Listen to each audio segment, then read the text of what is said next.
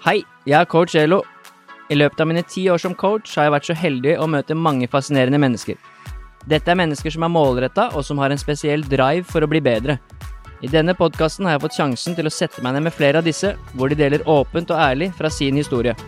Her deler de både erfaring og verktøy som er verdifulle for alle som ønsker å skape en forandring i livet sitt. Har du et mål eller et ønske om å forandre noe i ditt liv? Da er denne podkasten for deg.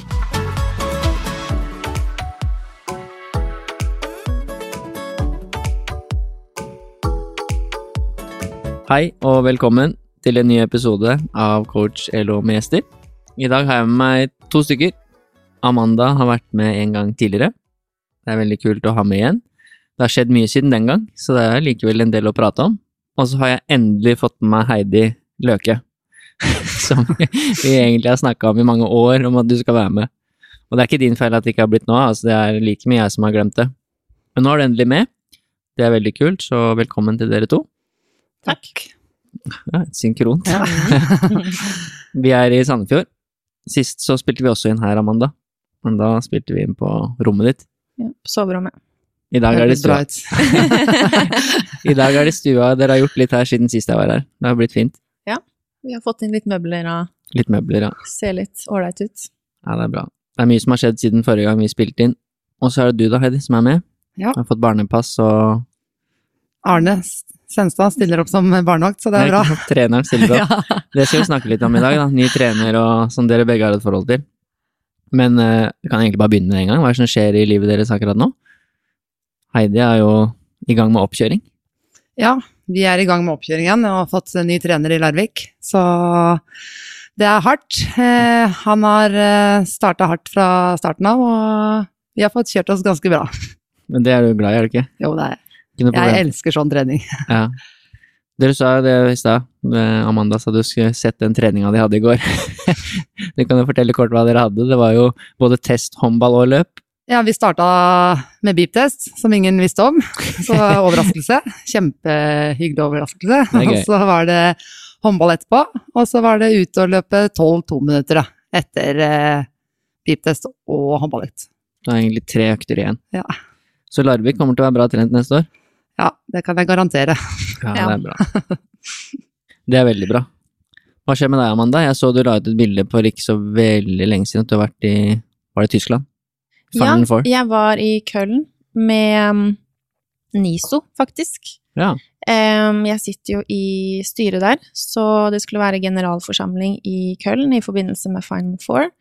Så jeg var der sammen med Mie Sando, og vi hadde en helt eh, fantastisk helt Det var veldig, veldig gøy å følge så bra håndball over en helg. Det var jo dritbra kamper, bortsett fra én, da. Det var jo overkjøring.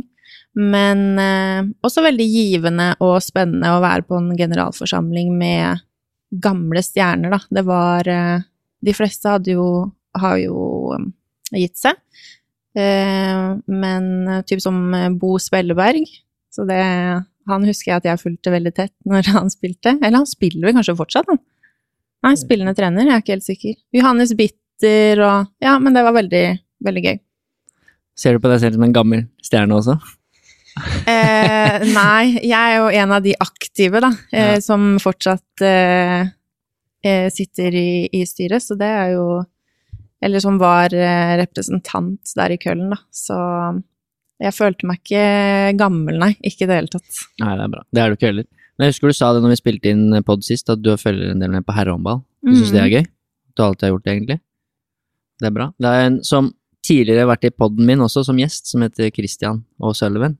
Han vant jo Final Ja. Four med Magdeburg. Mm. Det er ganske kult. Ja, det var dritkult å være vitne til det. De var jo skikkelig underdogs òg, så det var eh, Nei, det var rått. Rått å være vitne til. Alt er mulig. Og så vant Vipers igjen. Det er ikke så lenge siden du vant med de, Heidi. Nei. Nå vant den for tredje gang på rad. Ja, det er ganske sykt at et norsk lag gjør det. ja, det er imponerende hva de får til der nede. Det Mm. er mm. profesjonelt over hele linja, så utrolig gøy for norsk håndball. Mm, veldig gøy. Men nå er dere begge tilbake i Larvik, og dere skal spille Europa neste sesong, dere òg. I hvert fall kvalik. Ja. Mm. Den tar dere jo. Håper det. Det er i hvert fall målet. Mm. Vi kan ta det med en gang, da. Hva er det som egentlig skjer i Larvik nå? Hva er planen videre? Du nevnte du har fått ny trener, eller nytt trenerteam kanskje også. Mm. Du har fått ny daglig leder, som du kjenner ganske godt, Amanda. det er Ja. brede, er det liksom Driver dere og ansetter eh, folk Familie. dere kjenner her nå? Familie? Ja, det er litt sånn Begynner å bli en familiebedrift. Ja. Nei da. Men uh, han er veldig Han er dyktig. Uh, han er eh, hva skal jeg har kommet, kommet inn med frisk pust i Larvik, syns jeg. Um, har veldig, veldig tro på det han gjør, og er engasjert og målretta. Og jeg tror jo at han, eller han vet at han kan tilføre mye til Larvik ut mot eh, sponsorene. Så vi har jo ikke så mye med han å gjøre. Han jobber jo mer ut mot sponsorene. Eh, det er hans hovedoppgave. Så det er mye å gjøre. Selvfølgelig mye å sette seg inn i, og, og mye Mange møter og Ja, dagene hans er fulle, men han syns at det er gøy. Så så lenge han syns det, så er det bare å kjøre på. Ja. Når jeg snakka så vidt med han på telefon, for nå, det, nå begynner det å bli en stund siden, jeg gratulerte han med at han hadde fått jobb og sånn, så sa han at det var midlertidig. Mm. Men hvordan, hvordan er det nå? Nå er jo sesongen over, og så er man i gang med å bygge mot ny sesong. Skal, er han fortsatt der, eller? Ja, Ja. han uh, har en 80% stilling, siden han er, han er jo brannmann ved siden av. Mm. Så dette er jo på en måte noe han gjør ved siden av å være brannmann. Eh, men eh, ja, det var jo i utgangspunktet midlertidig, men det virker jo som om de er fornøyd med han, og at han har mye å komme med, så da er han vel bra å beholde der, da, tenker jeg. Han har eh, lyst til det sjøl òg, fortsette. Det er Ja. gøy. Mm. han eh, Det er som jeg sa i stad, at han føler at han har veldig mye å gi da, klubben, og føler at det, har, det er mye potensial, Mm. og at han eh, kan tilføre mye. Så da er han veldig Syns at det er givende å holde på med. Ja, det er gøy. Mm. Brede er jo Det kan også egentlig jeg kan høre historien til Brede i poden min nå, for han har også vært med. han er jo tidligere toppidrettsutøver, så har han jo vært i noen styrer og litt her og der, så han veit jo hva det går i. For hva som skal til for å prestere. Mm. Så det er morsomt. Eh, hva tenker du om Larvik og veien videre? Men du kjenner jo den nye treneren ganske godt. Han Ja, er jo sammen jeg med din søster. Ja, jeg syns det er veldig spennende, det Mm. som er på gang. Eh, syns vi hadde en eh, bra sesong i fjor. Litt varierende eh, på resultatene, men eh, jeg syns vi har veldig mye positivt på gang. Og det at Arne kommer inn nå også, det tror jeg kan gi oss enda et uh, løft. Jeg tror vi kommer til å bli enda, eller jeg vet vi kommer til å bli enda bedre trent. Det høres sånn ut på Ja. treningene. Og ja, så blir det veldig spennende at vi skal ut i kvalik uh, i Europa. Det blir også veldig spennende. Nei, jeg har veldig trua på det laget vi har. Vi er jo veldig mange unge. Eh, blant noen litt eldre, som meg, Amanda og et par til. Så jeg syns det er en veldig sånn god miks av spillere også. Mm. Ja, det var en imponerende sesong dere hadde i fjor. Jeg følger jo litt ekstra tett på Larvik, siden jeg fortsatt jobber litt med Amanda, så jeg var og så en del kamper òg. Ja. Så det var morsomt. Vi ble jo tippa på niendeplass, Mm. tror jeg, av ekspertene. Mm. Og det at vi faktisk til sist da klarte å Ja, vi kjempa jo om medalje. Mm. Så, Kjempa vel om medalje omtrent helt i siste minutt der. Neste gang, ja. så litt sånn fuck you til alle eksperter, det var deg. Og hvis dere hadde fått liksom femteplassen før sesongen, så hadde dere sikkert vært fornøyd med det. Men, ja, vi hadde jo eh, målsetning ja. om topp seks. mm, Um, det var i hvert fall det vi sa utad. Og så når det på en måte dro seg til og etter jul der, eller en halvspilt sesong, så merka vi liksom at ok, men vi har faktisk mulighet om å kjempe om medalje. Mm. Og så var det jo kjipt at vi gikk på noen eh, smeller underveis mot lag som vi var antatt bedre enn, og tapte noen poeng som gjorde at vi at vi havna der vi havna, men vi er jo ekstremt fornøyd med det uansett. Men det sier jo litt om at når vi presterer på 100% alle sammen, så kjemper vi om medalje. Men slipper vi oss ned et par prosent, så er vi på en måte ikke bedre enn en, eh, ja, nedre del av tabellen. Nei, det var, det var veldig høyt toppnivå i fjor. Og så var det jo litt kjipt, som vi kanskje kommer litt inn på i stad. Du var jo ute en stund her. Det var jo sikkert litt kjipt for laget òg. At du var borte nesten to måneder. Mm. Det hjelper jo ikke det når det begynner å dra seg til. Nei, det var, Ja. ble jo veldig akutt òg. Så um, i januar der, hvor jeg på en måte måtte hasteoperere og, um, i magen. Og Mm. Nei, det var veldig kjedelig å bli satt ut, for jeg følte liksom formen var veldig på gang i november-desember der. Mm. Og så Og så måtte jeg operere i januar, og da var eh, ble jeg sittende på sidelinja en del uker. Så det var kjedelig å ikke kunne være med og bidra. Men all over, veldig imponerende. Det ser jo at dere fortsatt har samarbeidet også intakt. I hvert fall når dere fikk spilt sammen litt over tid. Mm. Det var Mm. veldig gøy. Ja, jeg elsker å spille med Heidi. Det, det er, man trenger liksom ikke å se etter henne engang. Det er bare å kaste ballen inn på linja, så er hun der med de der eh, tentaklene sine. Oi. Du har tatt imot noen baller der før. Ja, Ja. det jeg vet med Amanda, at jeg, jeg kan få den når som helst. Jeg må bare alltid følge med. Så det, jeg holder meg i nærheten av henne. Ja, det blir mer håndballprat, altså det er garantert gjennom eh, podden. Men det siste som jeg bare kom på der, var at du var, var ikke du noen sånn litt, litt sånn landslagsdiskusjon i mesterskapet der? Var ikke noe greier? Med noe Mm. reserve og noe opplegg? Eh, jo, jeg sto som eh, hjemmeværende reserve. Ja. Det, men jeg, så fikk jeg jo en skade der. Eh, en strekk. Stemmer. så jeg var ute et par uker. Men eh, det gikk fint. Det er sånt som skjer når man blir litt eldre. Ja. Da smeller det plutselig. Ja, den kampen var jeg faktisk og så på. Det var mange som falt da. Ja, herregud, vi fikk jo Tre skader. Ja, faktisk. En overtråkk, en strekk og Korsbånd. Dessverre ja, det var- korsbåndet. Ja, uff, det var Det var heldigvis ikke noe sånt. Nei. Jeg var ganske rask på å sende en melding Ja. etterpå der. Jeg så det med en gang, så tenkte jeg hvis hun skada kneet nå. Og så gikk jeg inn på telefonen. Jeg var på kampen, da. Så gikk jeg inn på telefonen, og så så jeg det reprise hele tiden på TV2. Men det Mm. var dårlig filming. Og så var det sånn Det der er ikke kne, det må være en strekk eller et eller annet. Ja. Mm. Så sendte jeg melding til deg. Strekk i hamstring? Spørsmålstegn. Så fikk jeg tilbake. Ja, som faen. ja, den satt dypt. Ja, den Ja, det kunne vært verre. Du gikk Ja. heldigvis ikke glipp av så mye, faktisk, siden det var på slutten her. jeg var sånn sett god timing. Mm. Men det er bra. Vi skal jo snakke mye om håndball i dag. Vi skal høre litt om historien til Heidi. Det gleder jeg meg til. Og vi skal dra litt paralleller med deres to karrierer. Det blir også veldig spennende for lytterne, for dere har jo to forskjellige karrierer. Selv om eh, Heidi sa i stad at dere har oppnådd mye av det samme. Altså begge har kommet på det høyeste nivået, på litt forskjellige måter Mm. og tidsperspektiver. Mm. Og så skal vi prate litt om trening ved graviditet. Nå har jo du kommet tilbake tre ganger etter med tre barn, da. Ja. Eh, Det er imponerende. Eh, Og litt sånn tanker og ting rundt det. Kanskje litt mer om Larvik. Og så har Amanda kanskje noe hun har lyst til å fortelle også, som er Mhm. hyggelig. Og så er det spørsmål fra Instagram.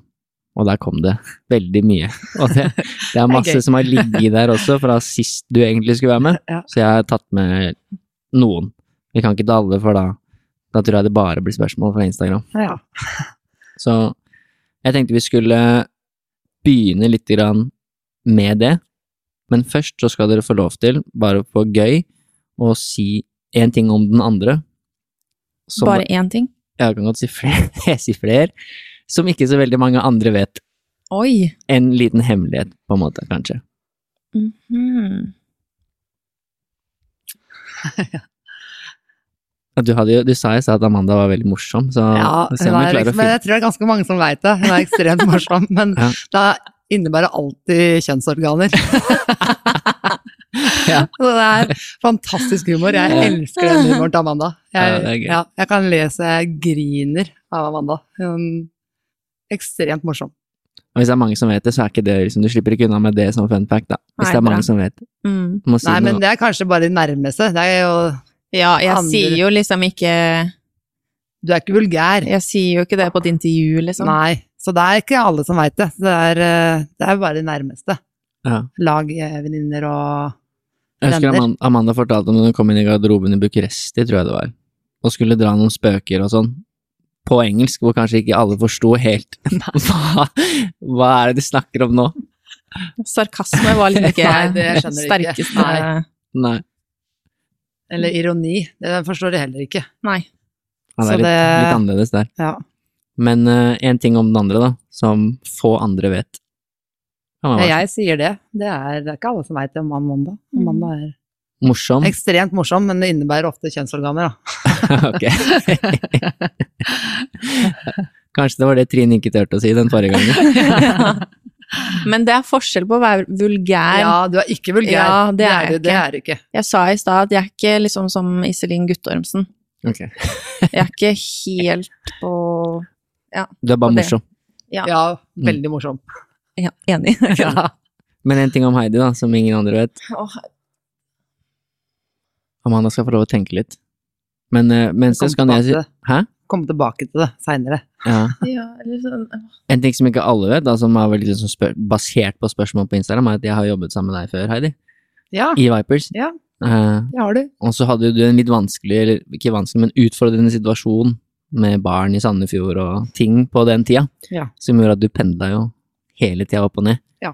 Så du gjorde jo mye av treningen din fysisk i Sandefjord. Ja. Det var lettere logistikkmessig. Mm. Så jeg fikk jo ikke så mange økter med deg, men jeg hadde noen. Så det var veldig gøy. Vi var i Danmark sammen. Ja, det husker jeg godt. Ja. Så det var morsomt å få se Heidi Løke live. Ja. du er glad i å trene mye, det stemmer. Ja. Så ja, var- Noe som eh, kanskje ikke alle vet, er har ikke du løpt sånn 16 på beepen eller noe? 15-5. Ja, ikke sant? Det er jo helt 15-5 på beep, ja. Det er, Men da var jeg for lett, da. Det, Det var sju da... dager etter hun hadde født Alex. Nei, det var det ikke. Nei, kanskje ikke det, men eh, det er imponerende. Ja, det er, vil jeg 15-5. si, helt uh, jævla rått. Takk. Ja, det er ekstremt imponerende. Jeg tror, uh, om det var Storhamar, jeg følger opp noen spillere der som hadde hatt det nå for ikke så lenge siden, så var det en som løp 14 et eller annet, 14-7 eller et eller annet, Ja. som var veldig bra, da. Mm. Men 15-5 er, det, det er drøyt. Veldig, veldig bra. Hva hadde du nå? Dere hadde jo Beatles i Nei, går. det er Det var uh, ikke hemmelig. Du kan snakke meg, snakke meg etter eh, sommeren. Da Ja. er det bra. Var ikke 15-5? Nei. Nei, det er bra. Ja, da fikk vi i hvert fall vite noe, da. Amanda er morsom, og Heidi er god til å løpe, som egentlig de fleste vet, da, så det var ikke Ja, men så god visste ikke alle. Nei. Da var jeg litt lettere òg, da. Ja. ja, det husker jeg faktisk fra Vipers, da jeg sa at når vi jobba sammen, jeg husker at du løp intervaller på kampdag. Mm. Ja, men det Det liker jeg fortsatt. Ja, det hadde jeg hørt rykter om, Mm. men jeg visste ikke at du løp ordentlige intervaller. Altså jeg tenkte ja, hun løper sikkert bare litt, men du, du løper jo ganske tøft òg, med høyt tempo. Ja. Det funker for deg. Ja. Det er veldig bra. Vi skal ta litt spørsmål fra Instagram, da, for det har kommet mange. Mm. Og de er liksom til eh, dere begge, og til hver av dere, og litt forskjellig. Så dere får bare svare sammen og hver for dere og om hverandre. Ja. Eh, og den første er jo til begge, men jeg har vridd det til personlig, så dere kan svare hver for dere. Er du motivert for comeback på landslaget? For eksempel OL i 2024? Det kom det sånn tre spørsmål om i den gata der, da. Jeg kan begynne, da. Mm. Jeg er gravid, så Der kom der, der kom nyheten. Ja, der er kom nyheten. hyggelig. Så for meg så er liksom Jeg er på et veldig bra sted i livet nå. Jeg um, elsker å spille håndball, jeg elsker å bo hjemme nærme familie og venner. Um, har det veldig bra sammen med Brede, og alt ligger liksom til rette for at uh, ja, vi skal ta neste steget, da. Og det er uh, at vi skal få barn. Så em, hvis alt går som eh, det skal, så har jeg termin i slutten av januar. Så mitt fokus eh, det neste halve året er liksom bare på, på det. Eh, håndball kommer liksom ja, på andreplass nå fremover. Og så vet jeg jo ikke hvordan det går etter fødsel, hvordan kroppen håndterer en graviditet. Det får man jo bare ta der og da, men målet er jo å returnere til, på toppnivå i, i Norge og bidra for Larvik eh, etter eh, sommeren igjen om et, eh, om et år. Ja, kan jo hende du rekker noe på slutten av sesongen her. Ja, jeg har bestemt meg i hvert fall for ikke stresse eh, Mm. og ta det bare i mitt eget tempo. Så ja, eh, når jeg er klar for det, både fysisk og mentalt, så Mm. tar jeg det steget, da. Først og fremst veldig hyggelig da, at du er gravid. Veldig Jo. Det er veldig koselig. første gang. Mm. Eh, og du var veldig rask med å sende melding eh, for å fortelle, siden vi jobber sammen, da, at du var det. Det har Mhm. litt å si for treninga. Men også at du var veldig motivert for å trene. Ja. Både underveis og etterpå, og du skulle tilbake igjen, og du var ganske kjapp eh, på ballen. Ja, jeg måtte liksom forklare for deg, følte jeg, siden vi som sagt eh, samarbeider ganske tett da, med den fysiske treningen, og vi har gjort Mm. det over et par år. Em, så måtte jeg på en måte Ja, det er ikke fordi jeg har tatt liksom en ferie nå på fire uker, men det er fordi formen ikke er helt på topp, og jeg tar kontakt igjen når, eh, når jeg føler meg uh, grei igjen, når jeg kan starte å trene litt ordentlig. Mm. Du har jo vært veldig flink nå og trent bra. Ja, uke fire til sju var enormt tøffe. Mm. Da mm, var jeg egentlig bare fornøyd hvis jeg klarte å komme meg ut og gå en tur. Mm. Eh, Men etter det så har det egentlig vært eh, stabilt, og Mm. jeg har kunnet trene ja, fem-seks ganger i uka. Så det har vært eh, veldig, veldig deilig, både for hodet, eh, bare for å Ja, at man føler seg så mye mer vel, da. Jeg har liksom følt de dagene som har vært litt tøffe. Man har vært litt kvalm og svimmel, og det bare komme seg, tvinge seg ut, da. Og trenger ikke være så mye, men eh, da føler jeg meg veldig mye bedre etterpå. Ja, det, det er definitivt lurt å få trent. Men det Mm. første trimester, eller hva man kaller det, kan jo være litt tøft for mange. Ja. Man er mye trøtt. Det sitter en der som har god erfaring, så det er Ja. bare å spørre. Jeg bare sier det, hun løp etter sju dager. Ja. Så Seks. har nå levd opp til noe da. Jeg spurte faktisk Heidi for litt siden. eh, når er det du slutta å trene mage? så vi sparer jo litt, da. Ja. Så Slutta aldri. nei, Nei, man merker det når man ikke når det ikke går lenger. Ja. Mm, det er greit å ha noen å spare med likevel, da, som har vært gjennom det før. Ikke ja, bare det er det veldig deilig for meg Mm. eh, å spørre Heidi om ting, og jeg sa det jo ganske tidlig til Heidi òg. delte nyheten med henne, og uh, hun ble selvfølgelig veldig glad på Ja. våre vegne. Og så er det veldig deilig å ha en liksom, trygghet i laget, da, som man kan uh, venne seg til hvis man trenger råd og veiledning og sånn. Og Heidi har jo som sagt stått i det tre ganger, så hun er jo ruttis på det her. Så jeg føler meg veldig trygg og god hender. Vi skal, vi skal snakke litt om det seinere, faktisk. Ja. Litt om det med trening med graviditet og tilbakevending til håndball og litt Mm. sånne tanker. For vi, vi var inne på det litt før vi begynte å spille inn. Mm. Så det kommer vi jo litt tilbake til etterpå. Mm. Uh, her er det spørsmål til Heidi. Men nå svarte jo ikke Heidi på det spørsmålet. Nei, det gjorde du ikke. Om du er motivert, det er bra. Det passer bare. Er du motivert for comeback på landslaget OL 2024? Det er jo spørsmålet i utgangspunktet. Ja. Eh, vet du det året her har vært eh, hva skal jeg si, veldig opp og ned for min del. Det tok eh, Det siste svangerskapet mitt, så var det litt andre ting eh, som var fokus i, i livet mitt. Og jeg trente ikke like godt som jeg gjorde i de to andre svangerskapene. Så da tok det litt lengre tid å komme tilbake. Eh, og så følte jeg at, eh, som jeg sa i stad, med november og desember så begynte formen virkelig å komme igjen. Og så fikk jeg den der eh, operasjonen i januar. Så Og nå føler jeg liksom virkelig at eh, nå begynner jeg endelig å komme tilbake til meg sjøl igjen, da. Og kan trene to ganger om dagen igjen. Og, og da merker jeg også at eh, formen kommer. Og jeg er veldig eh, Når jeg ser den utviklingen, at jeg fortsatt kan utvikle meg, da, så er det liksom det som driver meg. Og jeg har lyst til å Jeg vet at det er en sinnssykt sterk konkurranse på landslaget nå, og, men jeg har et mål om å være med til OL i 2024. Bra. Du er ikke redd for å si det høyt, du? Det er, Nei. Det er veldig bra. Mm. Men når du sier at du kan bli bedre, det syns jeg er spennende med en gang, da, som fysiotrener. Hva er det du tenker veldig sånn kort, da, om du kan bli bedre på, eller som du føler at dette kan jeg fortsatt bli bedre på? Er det da fysiske ting, Ja. eller er det håndballtekniske ting, eller begge deler, eller?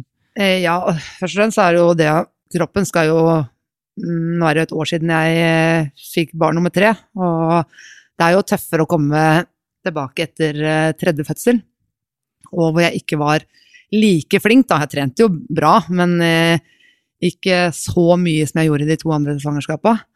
Eh, og jeg visste, og jeg ga også beskjed til Eirik at det kommer til å ta lengre tid nå, fordi jeg visste at jeg var ikke i like god form når jeg fødte nå sist, som i de to andre. Så eh, Så det er jo først og fremst den fysiske biten, og jeg vet når den fysiske biten min er på plass, så eh, vil det også gjenspeile, gjenspeile seg på banen. Ja, det blir spennende å se.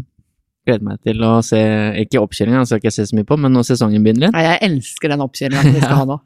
Det blir veldig bra. Det er sånn drømmetreninger. Ja, mye trening. Det Ja. er bra, det. Kommer til å være i knallform når sesongen kommer. Det er jo en stund til. Men så var det spørsmål til deg, da. Igjen, det var liksom til Heidi. Hvor mange i Løke-klanen er det som er distré? For eksempel glemme å svare på melding og slike ting.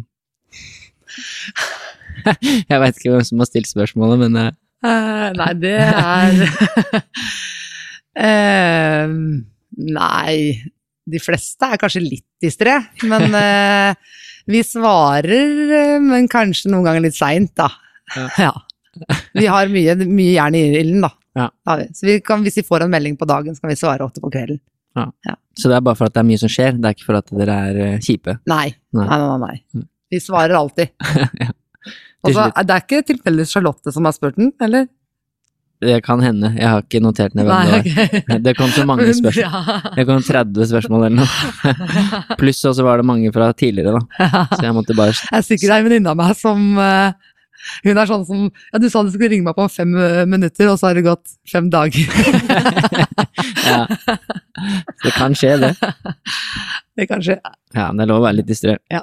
Dette er jo egentlig et spørsmål til Amanda, det kan jo du få svare på, Heidi, for det hadde vært litt interessant, siden du nå er eh, litt eldre enn Amanda.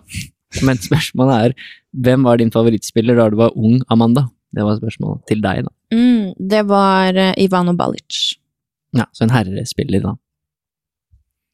Det var en herrespiller, ja. Mm. 100 Ivano Valic.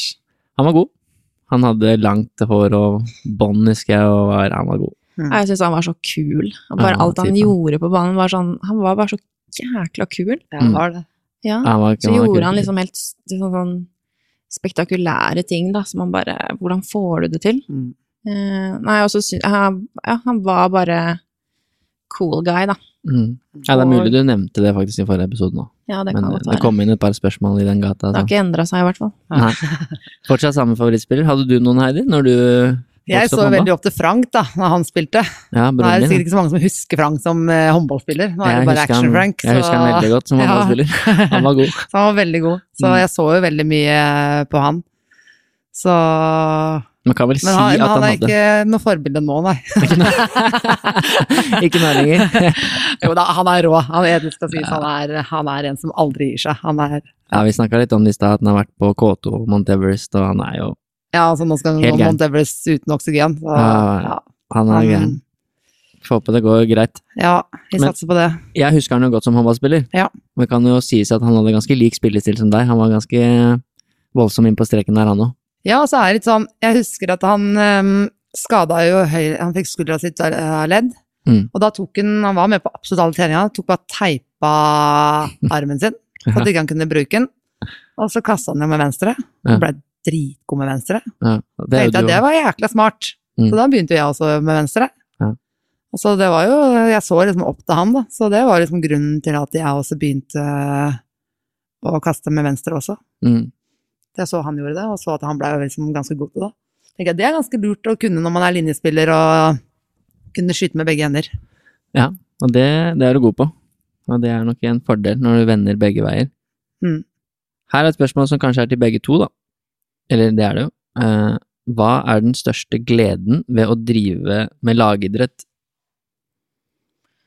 Og det er vel det at man Vi blir jo som en liten familie. Altså, vi er sammen hver eneste dag. Noen ganger flere ganger om dagen. Vi reiser sammen. Vi sover sammen, spiser sammen, dusj, dusjer sammen. Så vi, vi kommer jo veldig nære hverandre, alle sammen. Mm. Em, og så, ja, opparbeider seg veldig nære vennskap, da. Og eh, jeg syns jo den gleden Altså det å kjenne på gleden av å vinne sammen når vi gjør det, det føler sånn liksom Dette har vi gjort sammen. Men også kunne føle liksom på de nedturene, da, når vi taper sammen, at det er eh, kollektivt, da. Ikke bare én og én, men det å kunne dele på alle gleder og ja, oppturer og nedturer sammen, da. Det syns jeg er det beste med å drive med lagidrett. Mm. Heidi, har du noe å tilføye? Amanda. Du har jo vært det noen dag. Ja, det er jo det samme. Det å på en måte Det er som å si, vi blir jo en familie. Vi gjør jo alt sammen. Så Og det er jo på en måte det å vinne sammen og tape sammen og helst vinne, da. Så det er jo helt Ja. Det er en fantastisk følelse når man har liksom satt seg et mål, og man når det sammen. Hvordan er samholdet i Larvik nå, da? Dere er jo tilbakevendt etter en del år i utlandet og andre steder. og det er Ja, jeg vil si at det er, altså det er så bra. Det er lenge siden jeg har kjent på et sånt samhold, da, som du sier. Eh, nå har jeg vært en del liksom i, ja, i Romania og diverse klubber, og det er annerledes fordi du er veldig Selv om du er Du gjør jo akkurat det samme som du gjør her, her i Larvik, men man føler seg litt mer alene. Og det er veldig sånn individuelt, da, alt. Eh, alle, de fleste tenker mer på seg selv. I utlandet snakker du om ja. ja eller, ja. det syns i hvert fall jeg. Mens um, Nei, jeg syns det er skikkelig, skikkelig deilig og bra hjemme her i, i Larvik, altså. Det syns jeg. Vi um, tar vare på hverandre. Og um, ja, hvis det er noen som har det vanskelig, så så ja, tar vi hånd om hverandre, da. Mm. Er dere også en litt annen rolle, kanskje? Dere er jo de rutinerte på laget. Det er vel kanskje noen eldre andre som er Men jeg husker ikke helt. Men dere er vel i hvert fall de mest rutinerte i Ja. laget der. Så Ja. er det mange unge, som du sier, da. Mm. Ja, vi har vel Jeg har tatt på meg litt mer ansvar om å kanskje eh, nå, nå blir jo kanskje det endra, da, siden Arne er her, og han hever stemmen en del ganger, og det syns jeg er eh, dritbra. Eh, men jeg, i fjor, da, så tok jeg på meg litt ansvaret, da, at hvis eh, nivået synker på trening, eller hvis skuddene når vi har keeperoppvarming er for dårlig, så hever jeg stemmen og sier ifra. Eh, og at vi skal ha den takhøyden med hverandre. Da. For at vi skal utvikles og bli bedre, så er det viktig at man setter krav til hverandre. Så jeg har liksom tatt, tatt det ansvaret litt, da. Um, og Heidi er jo veldig sånn på ja, men innsats og intensitet, og der er hun ekstremt eh, flink da, til å få med seg laget og ja, få med seg hele, hele gjengen da, på det vi driver med. Du har ikke noe mindre lyst til å vinne nå, Heidi, enn for ti år siden? Nei. Eller 15 år siden? Nei. Nesten mer. Nesten mer, ja. ja. Så ja, men det er jo på en måte gøy å være med på å bygge opp nå. Mm. Eh, var jo det en periode i Gjerpen også, hvor man på en måte var et lag som hadde egentlig rykka ned til første divisjon, og så var med å bygge det helt opp til å få bronse. Mm. Det er jo en, en fantastisk reise å være med på det også, og ikke bare være i toppklubber. Ja, for det syns jeg er veldig gøy. At ja. når, man, når man kommer liksom til toppklubber, og så er alt liksom Det ligger til rette for at ok, alle forventninger er at man skal vinne alt. Og hvis man ikke gjør det, så er det en stor skuffelse. Men her så er det på en måte man skal bygge sten for sten, da. Og det blir at man, i hvert fall jeg, da, føler et eh, mye mer eierskap til det. Og desto større skuffelse de gangene vi ikke klarer det sammen. Men da større glede når vi faktisk får det til, da. mm. Ja, det er jo kanskje naturlig òg, når man har vært med på så mye som dere har vært. Mm. Og så blir man eldre også, får et mer perspektiv, og blir mammaer og andre ting i livet som blir viktige òg, da. Mm. Ikke bare vinne gullmedaljer. Nei, det er gøy det òg, da, men Det er gøy, det òg. I hvert fall. I hvert fall for Heidi. ja, du kan fortsatt vinne noen til. Det er ikke umulig, det. skal det med Larvik. Ja, Mm. det kommer noen spørsmål om det snart. Ja, Mm. det er faktisk neste spørsmål, så det passa fint. Se, nå har jeg gjort det personlig, det var egentlig til begge to, da. Vi kan ta dere, da. Ser dere for dere at Larvik kan klare å kjempe om titler igjen? Både i Norge og i Europa? Ja, det tror jeg absolutt, men det er jo mye som må på plass. Eh, Klubben er jo i ferd med å bygges opp igjen etter eh, å ha nesten gått konkurs i 2019. Så det legges ned en enorm innsats der. Det har jo vært en dugnadsklubb i noen år nå, så det å på en måte ja, få bygd sten på sten igjen, da. Helt fra det sportslige til administrasjonen og alt, og få inn sponsor igjen, på en måte hvor eh, det har vært litt nede. Men eh, vi har hatt noen lojale sponsorer som har vært med en god stund, og så håper vi på en måte at vi kan få med litt flere nå, og at de ser at vi har noe på gang igjen, da. Mm. Og at det drives eh, Hva skal jeg si eh, forsvarlig, da. De har jo fortsatt et navn, i hvert fall, og det er en fordel, det òg. Det er en veldig fordel. Mm. Det er det. Så Sportslig så ligger det jo liksom alt Altså der er vi jo supermotiverte og har en gjeng som er liksom De er unge, og så har vi en blanding da rutinerte, så liksom sportslig så tror jeg at vi kan nå um, liksom lenger og lenger for hver sesong. Eh, men så må man jo da ha med liksom klubben på det, og de rundt og sponsorer, for at det skal faktisk være mulig, da. Ellers så er det jo faktisk ikke mulig i dag. Nei, jeg var vel Brede var vel ute og en eller annen avis og sa det, at uh, det ligger til rette for, i hvert fall muligheter, Mm. for at klubben skal kunne ta de stegene igjen. Mm. Så du får en daglig leder der som kanskje også vil dit. Jeg regner med at han ikke vil bare drive og surre rundt uh, med Larvik. Nei, herregud. Han er kjempeambisiøs og jeg ligger på samme linje som det vi tenker også. Så Ja. handler det bare om å få med, få med resten, da, og få det til å forstå at liksom I hvert fall etter den sesongen vi hadde nå, da, ting, ting er på gang, og ting skjer. Og det er jo mange år siden Larvik faktisk var, var oppe på eh, som en medaljekandidat. Så det må vi jo bare bruke til vår fordel nå, og så håpe at eh, eh, ja, at det er jo mange som på en måte tenker på det som har skjedd. Eh, at det er litt sånn som åpne sår fortsatt. Men eh, håper jo at det kan endres, da. Når de ser eh, i hvert fall de høye ambisjonene som vi spillerne har, da. Ja, det hjelper jo å få tilbake litt profiler òg, som dere to. Som også igjen er navn, da. Som, eh, det er jo litt sånn det funker, da. Det er, Mm. det er veldig spennende. håper vi bare har navn, håper at vi kan bidra Ja, litt. altså det, dere er veldig gode på banen. Jeg er som sagt imponert over prestasjonen i år. Eh, eller sesongen som var, da. Mm. Ja, og det fikk jeg mange spørsmål om. Jeg er alltid ærlig med Amanda om liksom hva er greia med Amanda, liksom. Hun driver og surrer rundt i Tyrkia og liksom, sånne type ting, da, fordi at vi har jobba sammen. Mm. Eh, og sånn, er hun noe god lenger, liksom, og hva er greia? Så det, jeg tror hun blir en av de beste høyrebekkene i Norge. Mm. I serien, da. Mm. Eh, det var det jo også i sesongen som var. Mm, men det er så gøy, det, fordi bare fordi folk har fordommer om Tyrkia, Romania og sånne ting, så er det akkurat som om eh, Ja, det er helt greit at folk glemmer, liksom. Det er, man er jo en ferskvare som idrettsutøver. Men det er så gøy at folk er liksom så fordomsfulle. Og eh, jeg hadde jo faktisk mine beste seks måneder i Tyrkia, Mm. og det var akkurat det jeg trengte etter, etter den vanskelige perioden som jeg hadde i Gjør. Um, og det var det som løfta meg til å ville fortsette med håndball igjen, og få motivasjonen tilbake. Så folk må slutte å være så fordomsfulle og åpne øynene litt mer. Mm. Det er vel litt sånn det er med idrett, at det er mange som har meninger. Det er det. Det, er- Ja. Dere vekker følelsesregister i alle retninger, det. Mm. Men veldig gøy, da. Og så du viste at du fortsatt uh, er god Ja. til å spille håndball. Ja, og så er det, syns jeg det er irriterende at folk skal anta at bare fordi man flytter hjem, da, så blir uh, ambisjonene lavere. Mm. Uh, det irriterer meg nå veldig, og derfor desto diggere at man kunne ja, slå ifra, da, og vise at ja, vi er sammen, så får vi faktisk til jævlig bra ting. Morsomt det å få litt sånn ekstra motivasjon nå. Mm. Bare bli litt mer trigga. Mm. Ha litt mer Du bensin på bålet. kjente vel på altså, at folk bare skulle anta at bare fordi Ja, du også dro hjem til Larvik. da. Ja, ja, ja. At jeg eh, valgte å reise til Larvik et år før kontrakten med Viper gikk ut, Mm. så var det sånn, ja, så trappe ned. Mm. Bare nei, ambisjonene er jo like store.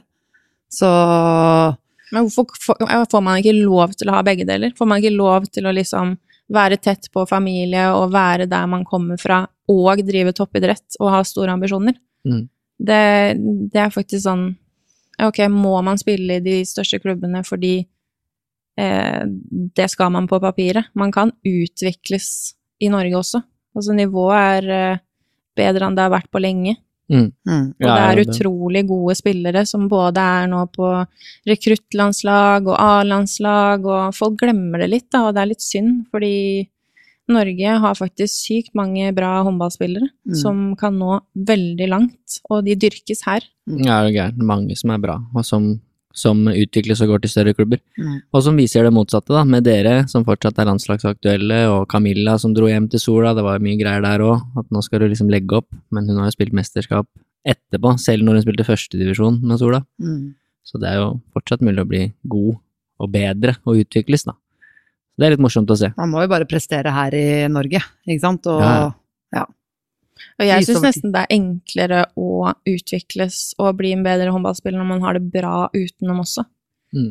Det er bare luks. Det er ikke alle som kan det. Å liksom bo hjemme med familie og være tett rundt venner. Det er alle de jeg har spilt med, som for eksempel de brasilianerne, var jo så misunnelige på at åh, dere kan faktisk dra til Skandinavia og fortsatt utvikles og spille på et høyt nivå. Det kan ikke vi. Vi må Mm. liksom ofre alt det rundt familien for å kunne spille håndball da, på et eh, godt nivå. Mm. Ja, jeg vet ikke hvorfor det er sånn, det er vel bare noen sånne tanker og rare meninger rundt det. Mm. Jeg husker når jeg følger jo og så på Mia Svele, hun har vært i Danmark og skal hjem igjen til Storhamar nå, og da har jeg også fått noen sånne meldinger liksom, er ikke det på en måte litt nederlag å dra hjem igjen, og så er det sånn På ingen måte. Det er jo nesten en bedre klubb, egentlig. Og Mm. nå fikk de jo ikke Champions League, det har vært mye styr siste døgnet. Så får vi se hva som skjer der. Mm. Men de har jo spilt Champions League, og de er jo på det høyeste nivå. Du Mm. får ikke noe høyere nivå enn det. Så er de i nærheten av familie og mange andre ting også som kanskje er lurt. Mm. Det er vel bare fordi man ikke er synlig i media, ikke sant. Så følger Mm. ikke folk så godt med da i Danmark eller Ungarn og, i, og Romania. Så blir det sånn at de antar da at eh, det er nederlag eller de trapper ned, og Mm. det er fordi folk ikke følger med. Jeg får trent enda mer nå enn det jeg gjorde da jeg kjørte til er det mulig Ja. å trene mer? ja, ja, nå har jeg gjort det. Nei, men det er jo det at man eh, har jo mye mer tid. Jeg brukte Mm. tida på å sitte i bilen, ikke sant. Så Ja, det ja, var jo Hva som var inne på i stad, jeg husker det når du var i Vipers. Det var Ja. mye kjøring på det. Ja, jeg var, kjørte jo ned fire-fem ganger i uka, Mm. og det var jo mye. Mm. Og når jeg fikk da barn nummer tre, så var jo det umulig. Ja. Da, ja.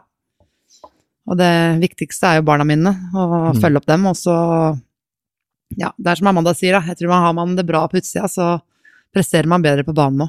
Ja, det blir spennende å følge med på dere videre. Men da passer det med to spørsmål igjen. Ja. Og det passer jo fint med det dere har snakket litt om nå. Og det kom mange sånne type spørsmål. Eh, Fem-seks stykker. Men hvordan klarer dere å holde motivasjon og disiplin oppe, selv etter så mange år? Ja.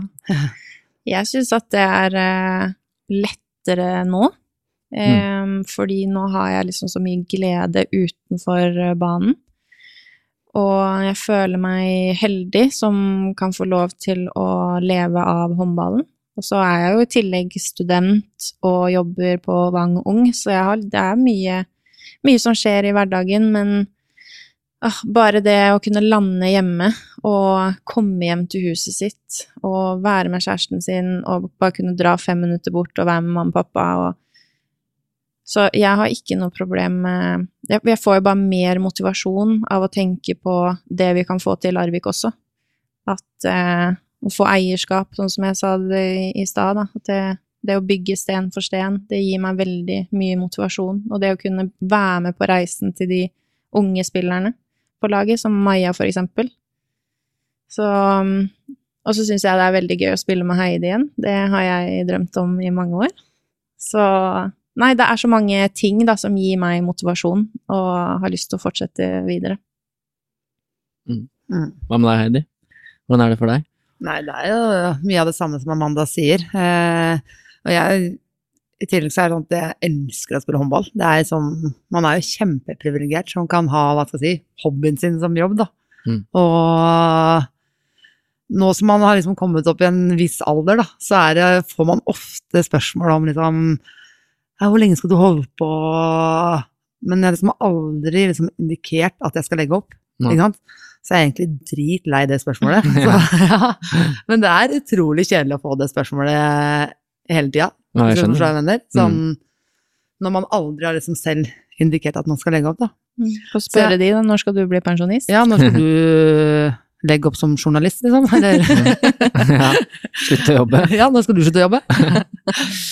Nei, Nei, og det er jo egentlig også litt sånn motiverende for meg. da. viser at at vet du det går faen meg an å være trebarnsmor og 40 år og fortsatt spille på toppnivå, da. Ja, det går i Ja. aller høyeste grad an. Så ja, nei, jeg er kjempemotivert. Og så er det litt sånn som Amanda er inne på også med Larvik, at det er gøy å være med og bygge opp noe. Det har jeg vært med på en gang før òg, og det syns jeg var ekstremt gøy. Og så er det å få spille med Amanda igjen nå, er jo en drøm. Jeg var så glad når hun var her i Larvik. Vi hadde noen meldinger frem og tilbake. Ja.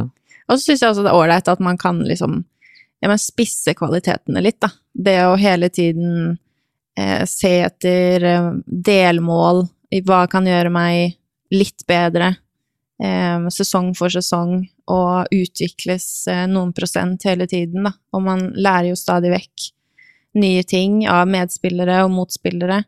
Og ja, det å kunne liksom spisse formen og kvaliteten i alt jeg gjør, det er også veldig motiverende. Ja, det er imponerende. Vi har nevnt det tusen ganger nå, men jeg jobber jo litt med deg, så det er imponerende at du, du er jo veldig på.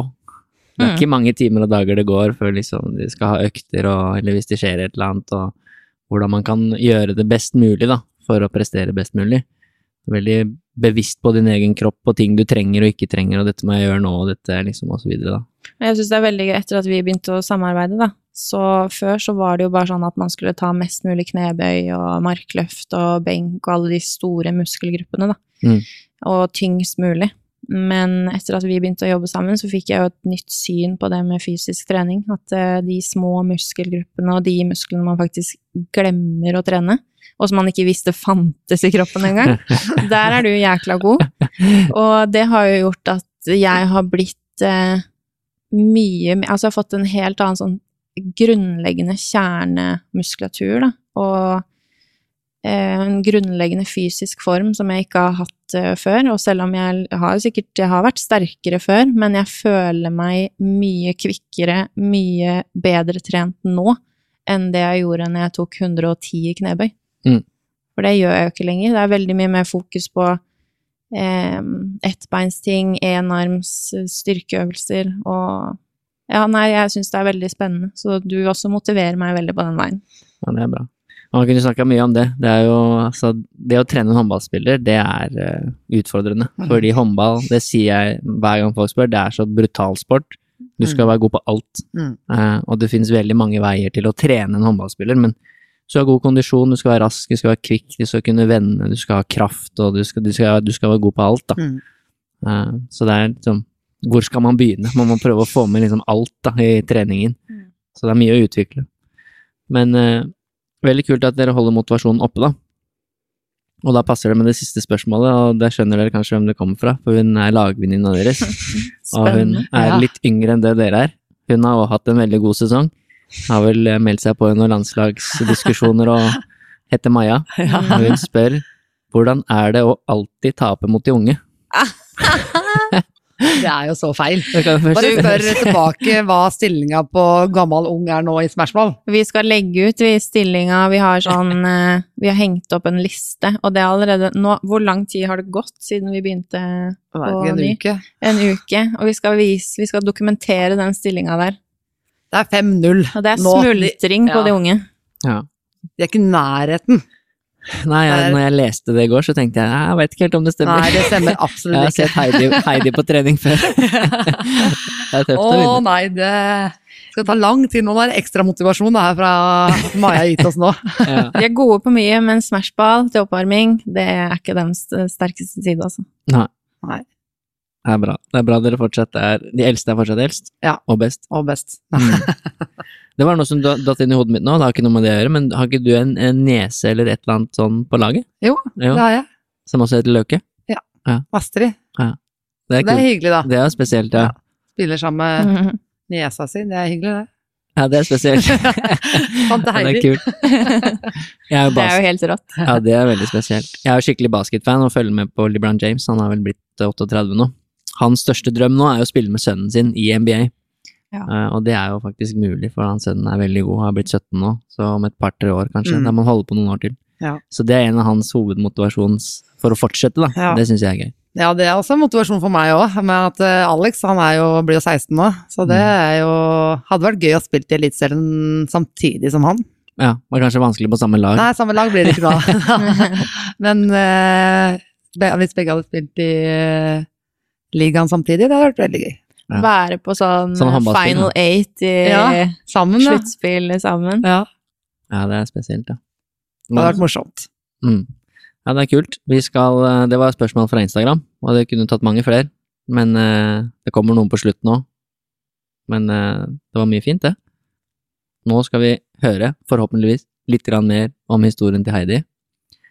Før Heidi må gå. Nei ja, Ja. god tid, ja. Barnevakta Det er bare går bra. Arne som Vi skal dra noen spennende paralleller også, da, mellom dere to og deres karrierer. Det tror jeg blir veldig kult for folk å høre, og vise at det også fins flere veier til å bli god. Det fins mange veier, faktisk. Så det første med deg, Heidi, det er jo, som jeg nevnte i stad, er og som jeg skrev på Instagram, at du har jo eh, vunnet alt som går an å vinne. Jeg tror ikke det er så mye flere gullmedaljer du kan få som du ikke har.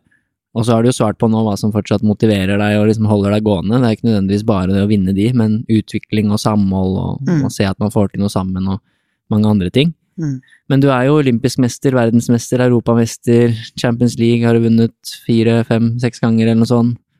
med forskjellige klubber, og er imponerende å se den der driven folk har til å hele tiden utvikle seg. Jeg var så imponert over Katrine nå i Final Four, som på en måte ikke fortsatt bare spiller, men som fortsatt er best. Mm. Helt Eh, fantastisk. 42 år, eller 43 Rå. år, hvor gammel hun er nå. Mm. Det er veldig imponerende, og gøy å se at folk pusher grenser. Men eh, det som er litt interessant, er å høre litt mer om din historie, hvordan du på en måte har, har blitt god til å spille håndball, og hvordan din på en måte dine ungdomsår og første år av karrieren var. For eh, som jeg husker, og som vi snakket litt om i stad, så tok det jo litt tid før det slo gjennom. Ja.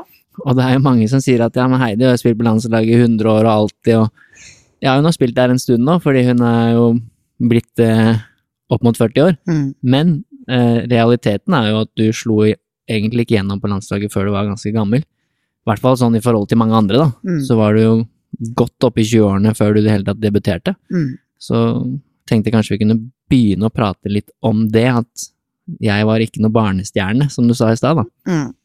Nei, det var jeg absolutt ikke. Jeg starta å spille håndball da jeg var ti år, og på Runar her i Sandefjord.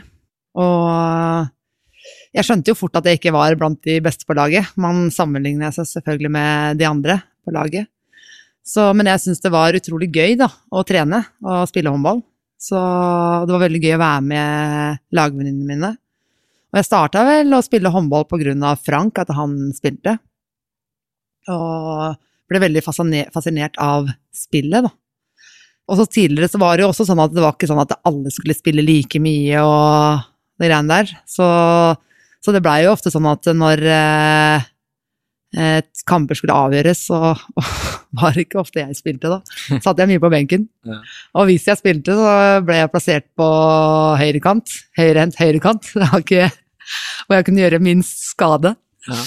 Eh, men samtidig så har jeg alltid hatt innsats, da. Det har jeg. Selv om jeg kanskje liksom håndballferdighetene ikke var sånn spesielt gode på den tida. Men, eh, men som sagt så var det det at jeg elska jo å trene. Elska håndball.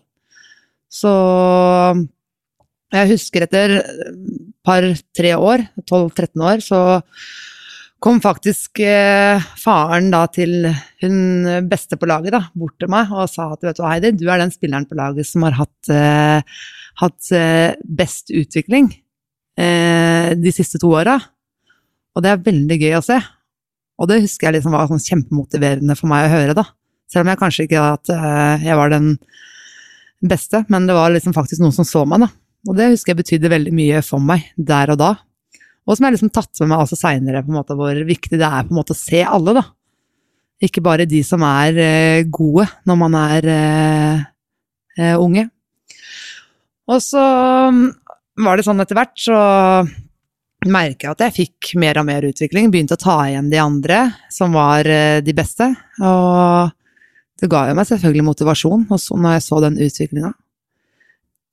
Men jeg var eh, da ja, starta som kant, utvikla meg videre som bakspiller. Spilte både høyreback og litt i midten. Eh, og ble egentlig ikke ordentlig linjespiller før jeg begynte på Sandefjord videregående. Da begynte jeg på toppidrett der, og reiste også samtidig til Larvik på rekruttlaget der. Da var jeg litt innom eh, linja, hadde egentlig ikke så veldig lyst til å spille linja. Men vi var syv jenter i klassen som, eh, på toppidrett, hvor vi hadde én posisjon på alle plasser, bortsett fra vi hadde ikke noe linje.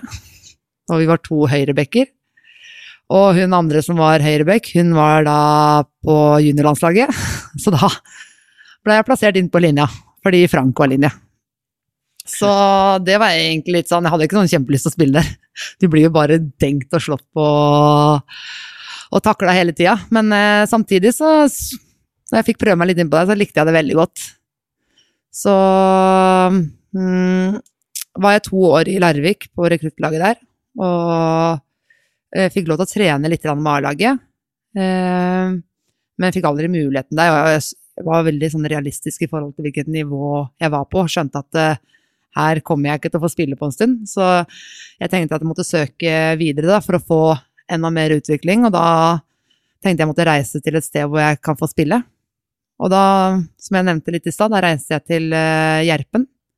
Um, hvor det var Laget hadde egentlig rykka ned til førstedivisjon, Men da skulle Eliteserien utvides fra 12 til 14 lag, og da fikk Gjerpen lov til å beholde plassen.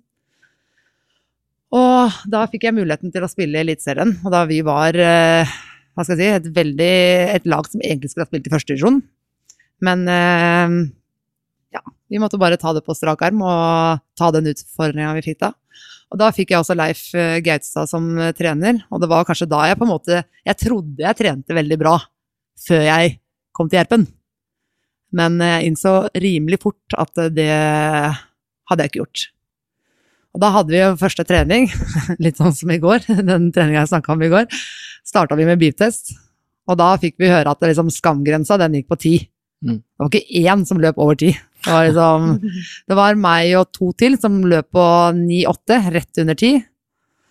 Og det var liksom grunnlaget vårt, da. Ikke sant? De fleste lå liksom fra fem til åtte. Jeg var Ja, det var skikkelig dårlig. Så det var liksom Og vi skulle spille Eliteserien. Så det tok jo liksom 15 kamper før vi vant vår første kamp. Og da var det litt sånn hvordan man skal motivere seg da for å Når du hele tida taper. Og da syns jeg Leif var ekstremt flink til å bruke eh, tester, som egentlig veldig mange hater, da. Eh, som motivasjon eh, for å måle fremgangen vi hadde. Vi, vi testa jo jevnlig gjennom hele året. Og, og, det husker jeg, det ga meg sinnssyk motivasjon. Fra at jeg, liksom, hadde det første beep-test-resultatet på 9-8, hvor jeg da etter tre måneder hadde økt nesten tre level. Ikke sant? Og jeg på en måte så hvor jeg gikk og trente to ganger om dagen. Vi var liksom veldig systematiske på å trene. Vi trente kanskje litt i overkant mye, ifølge mange andre. Men eh, Og vi var, var både studenter og, og folk som jobba.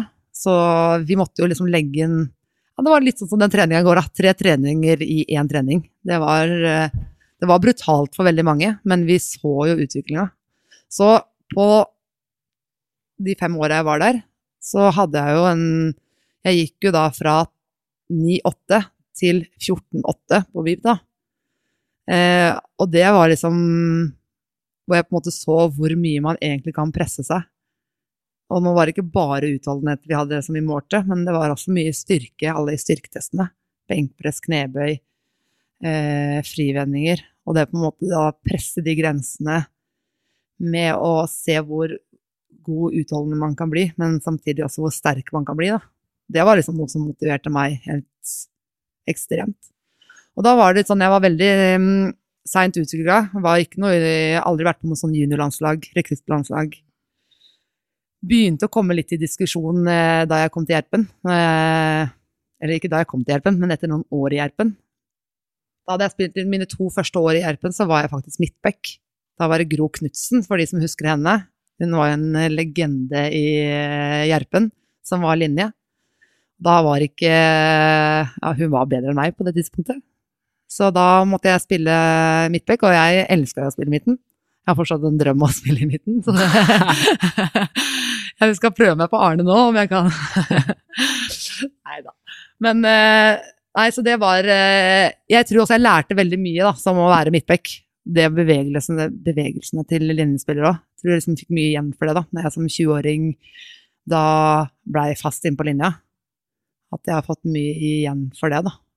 Hvor jeg har lyst til å ha linjespilleren. Hvor, hvilket rom man er lurt å rykke i. Og hele tida være et sånn uromoment for uh, forsvarsspillerne. Så da så var jeg uh, i diskusjon i landslaget. Fikk min første landskamp da jeg var 24 år på landslaget. Da, Marit, da var det Marit Breivik som var trener. De hadde da plukka ut to landslag. De skulle ha ett land som skulle reise til Sverige, med henne som trener. Og så hadde de ett landslag som skulle reise til Ungarn. Da var det torer som skulle være trener for det laget. Og da reiste jeg til Ungarn med torer. Så da var det liksom dobbelt opp med spillere, da. Og da fikk jeg muligheten til å være med. Og da hadde vi to, to kamper mot Ungarn. Jeg husker jeg så godt. Første kampen så var jeg, jeg Da kom jeg inn på ett angrep. Og så fikk jeg ballen, og så lagde jeg straffe. Og de fikk to minutter, og ja, den som tok straffa, skårte på den straffa, da. Det husker jeg. Og så eh, Det var det jeg fikk i debuten min, da. For Jeg satt rett på benken, og så spilte jeg ikke noe mer den kampen. Men kamp nummer to, det var dagen etterpå. Da fikk jeg lov til å starte. Og da hadde jeg eh, åtte mål på ni skudd. Og det var helt Ja, det var liksom sånn drømmekamp for min del, da. Så det var helt fantastisk. Så da tenkte jeg at ok, nå har jeg liksom fått vist meg litt fram, og Men eh, da det på en måte gikk tilbake til ett landslag igjen, så var jeg ikke med igjen. Jeg var veldig ofte på de der eh, treningssamlingene. Var veldig, sånn, bare de testsamlingene. Hver gang det kom kamp, så var jeg aldri med. Så, og det her var da i 2006. Og da var jeg eh, ja, inn og ut, men fikk ikke spille noen kamper. Mer etter de to landskampene i, i Ungarn. Så da i 2007 så ble jeg da mamma for første gang. Og da ble det selvfølgelig ikke noe mer landslagsdiskusjon da. Eh, I 2008 så reiste jeg til eh, Larvik, og da ble det landslagsdiskusjon igjen, da. På at eh, eh, da var det jo Tor Oddvar som hadde hatt et møte sammen med Karl Erik, som hadde hatt møte med Marit Breivik. Og, og da hadde Tor Oddvar kommet til meg etter det møtet og sagt at eh, Mente at eh, eh, jeg ikke var høy nok, da. Og jeg mangla liksom ti centimeter for å være en god internasjonal linjespiller, og, eh, og at eh, jeg ikke var liksom god nok mot de beste, da. Hadde ikke helt trua på meg, da. Jeg vet ikke om Trodvar sa det fordi at han eh, visste at dette kunne motivere meg, eller om det stemte. Men uh, det var skikkelig sånn motivasjon for min del. Da. Jeg kunne ta det på en måte at når du vet at landslagstreneren sier at uh, ok, du er faktisk for lav, da, og at du kommer aldri til å være god nok mot de beste. Om ja, det er liksom litt måten man tar det på, da. Så det var liksom egentlig sånn Faen, ass, jeg skal vise at uh, der tar hun faktisk feil. Så jeg tenkte, bestemte meg da, i mesterskapet i 2008, da skal jeg faen meg være med. Og da skal det ikke være noe tvil. Så EM i Makedonia blei mitt eh, første mesterskap, da, i 2008. Så jeg har vært med i mange år, men jeg har ikke vært med i, så, jeg har ikke vært med i 100 år, som veldig mange tror. Nei, du debuterte seint, da. Ja. Altså, da var du vel i det mesterskapet sånn 26 eller noe? 26. ja. Og det er jo altså seint, det igjen, da alt er relativt, men uh, i forhold til i hvert fall mange andre, så er det jo litt seint. Mm. Eh, og hva mange tenker og tror at det liksom, som vi sa i stad, det er en Henny Reistad som er best i verden når du er 19. Det er liksom, alle er ikke der, Nei. og det trenger ikke være sånn. Nei. Eh, det fins veldig mange veier. Ja. Du ga jo aldri opp, og du var ikke engang linjespiller før du var 20, Nei, det er så du hadde ikke engang posisjonen din. Nei, jeg var litt sånn litt innpå linja da, fra jeg begynte på videregående der. Og Ja. jeg på en måte ble plassert innpå der da, fordi at Frank var eh, strekspiller. Så jeg hadde jo egentlig ikke lyst til å spille der.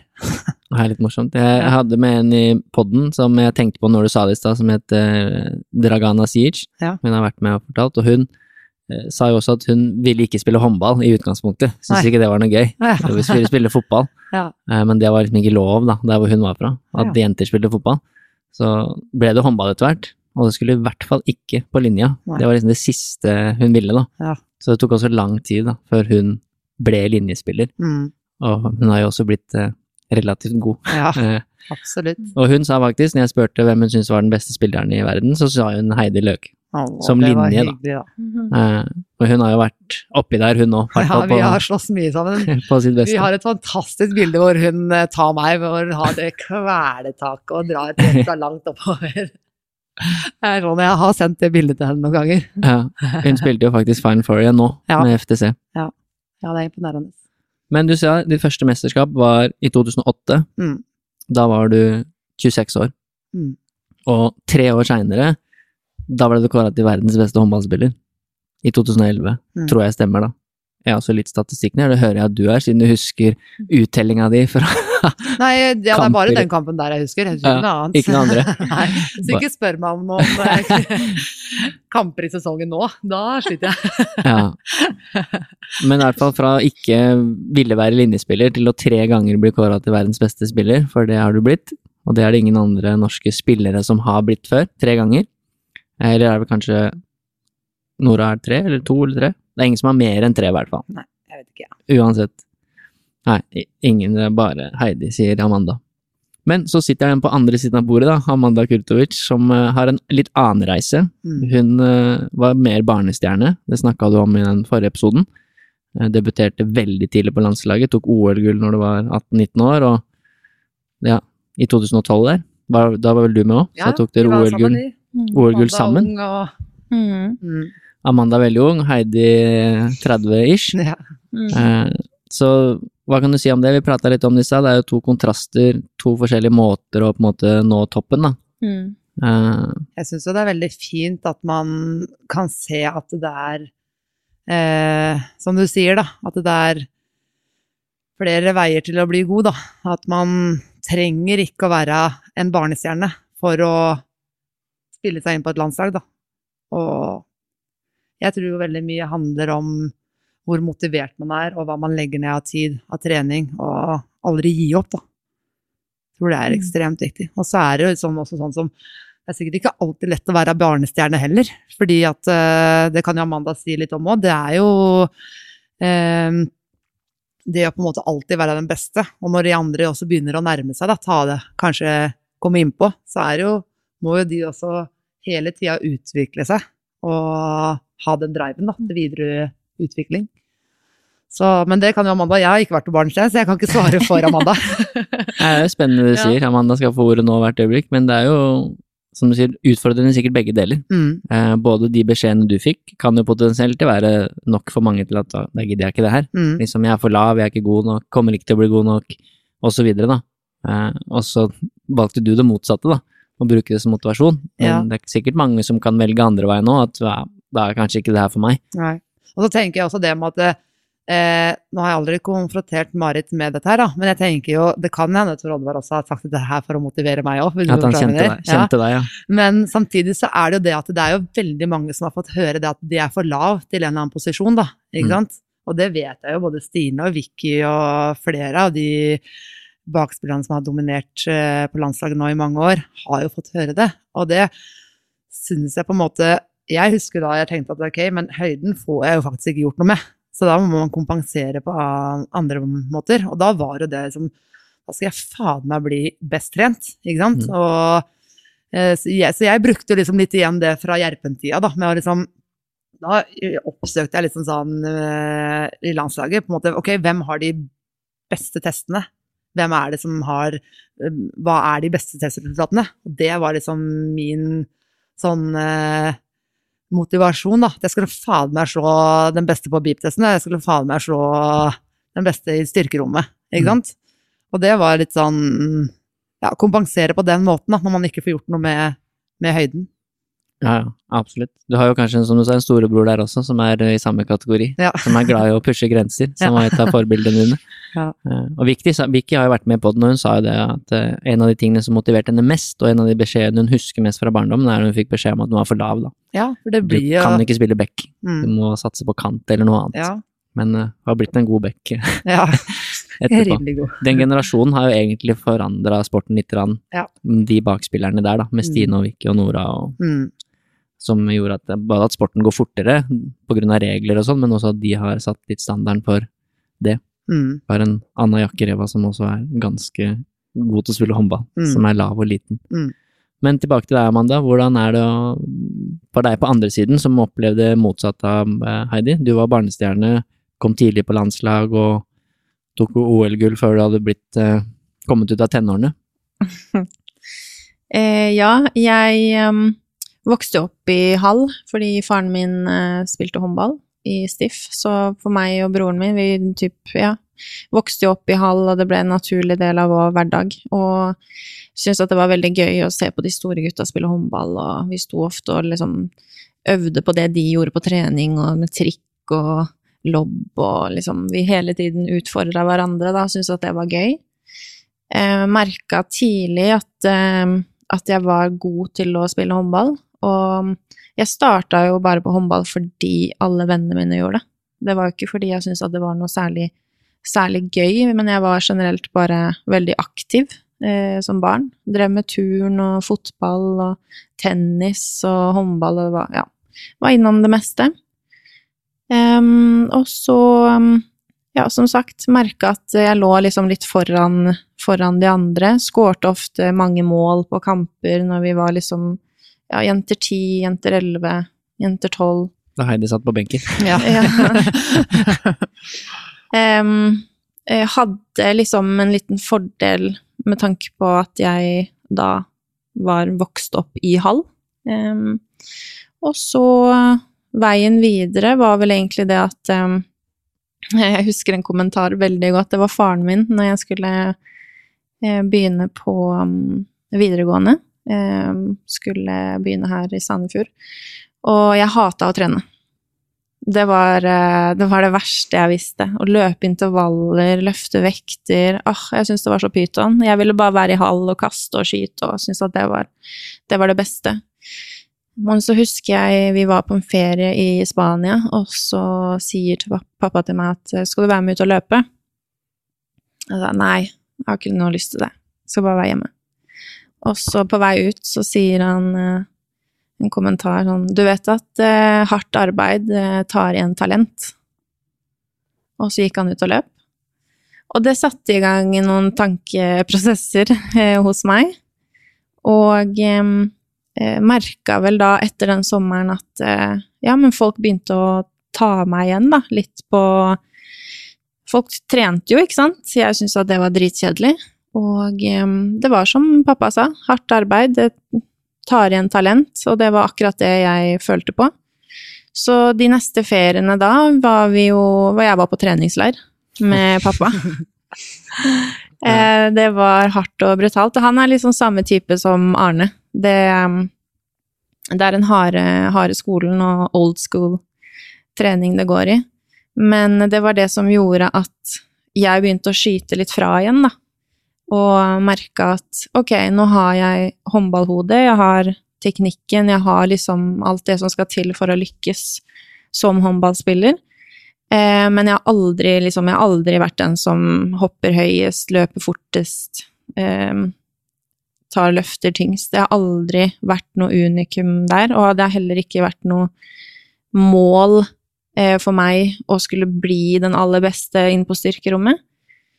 Um, men jeg begynte suksessivt da å trene mye bedre og hardere etter at jeg begynte på videregående. Starta på Vang toppidrett i, Oslo, og trente da med, med de som jeg spilte på juniorlandslag, sammen med Stine, Thea Mørk. Um, så vi var en veldig var en veldig god gjeng der inne, som hele tiden pressa hverandre. Da. Vi levde i samme miljø, og det var bare håndball det, det handla om. Det var ingen andre forstyrrelser utenom, så det var veldig lett å holde fokus.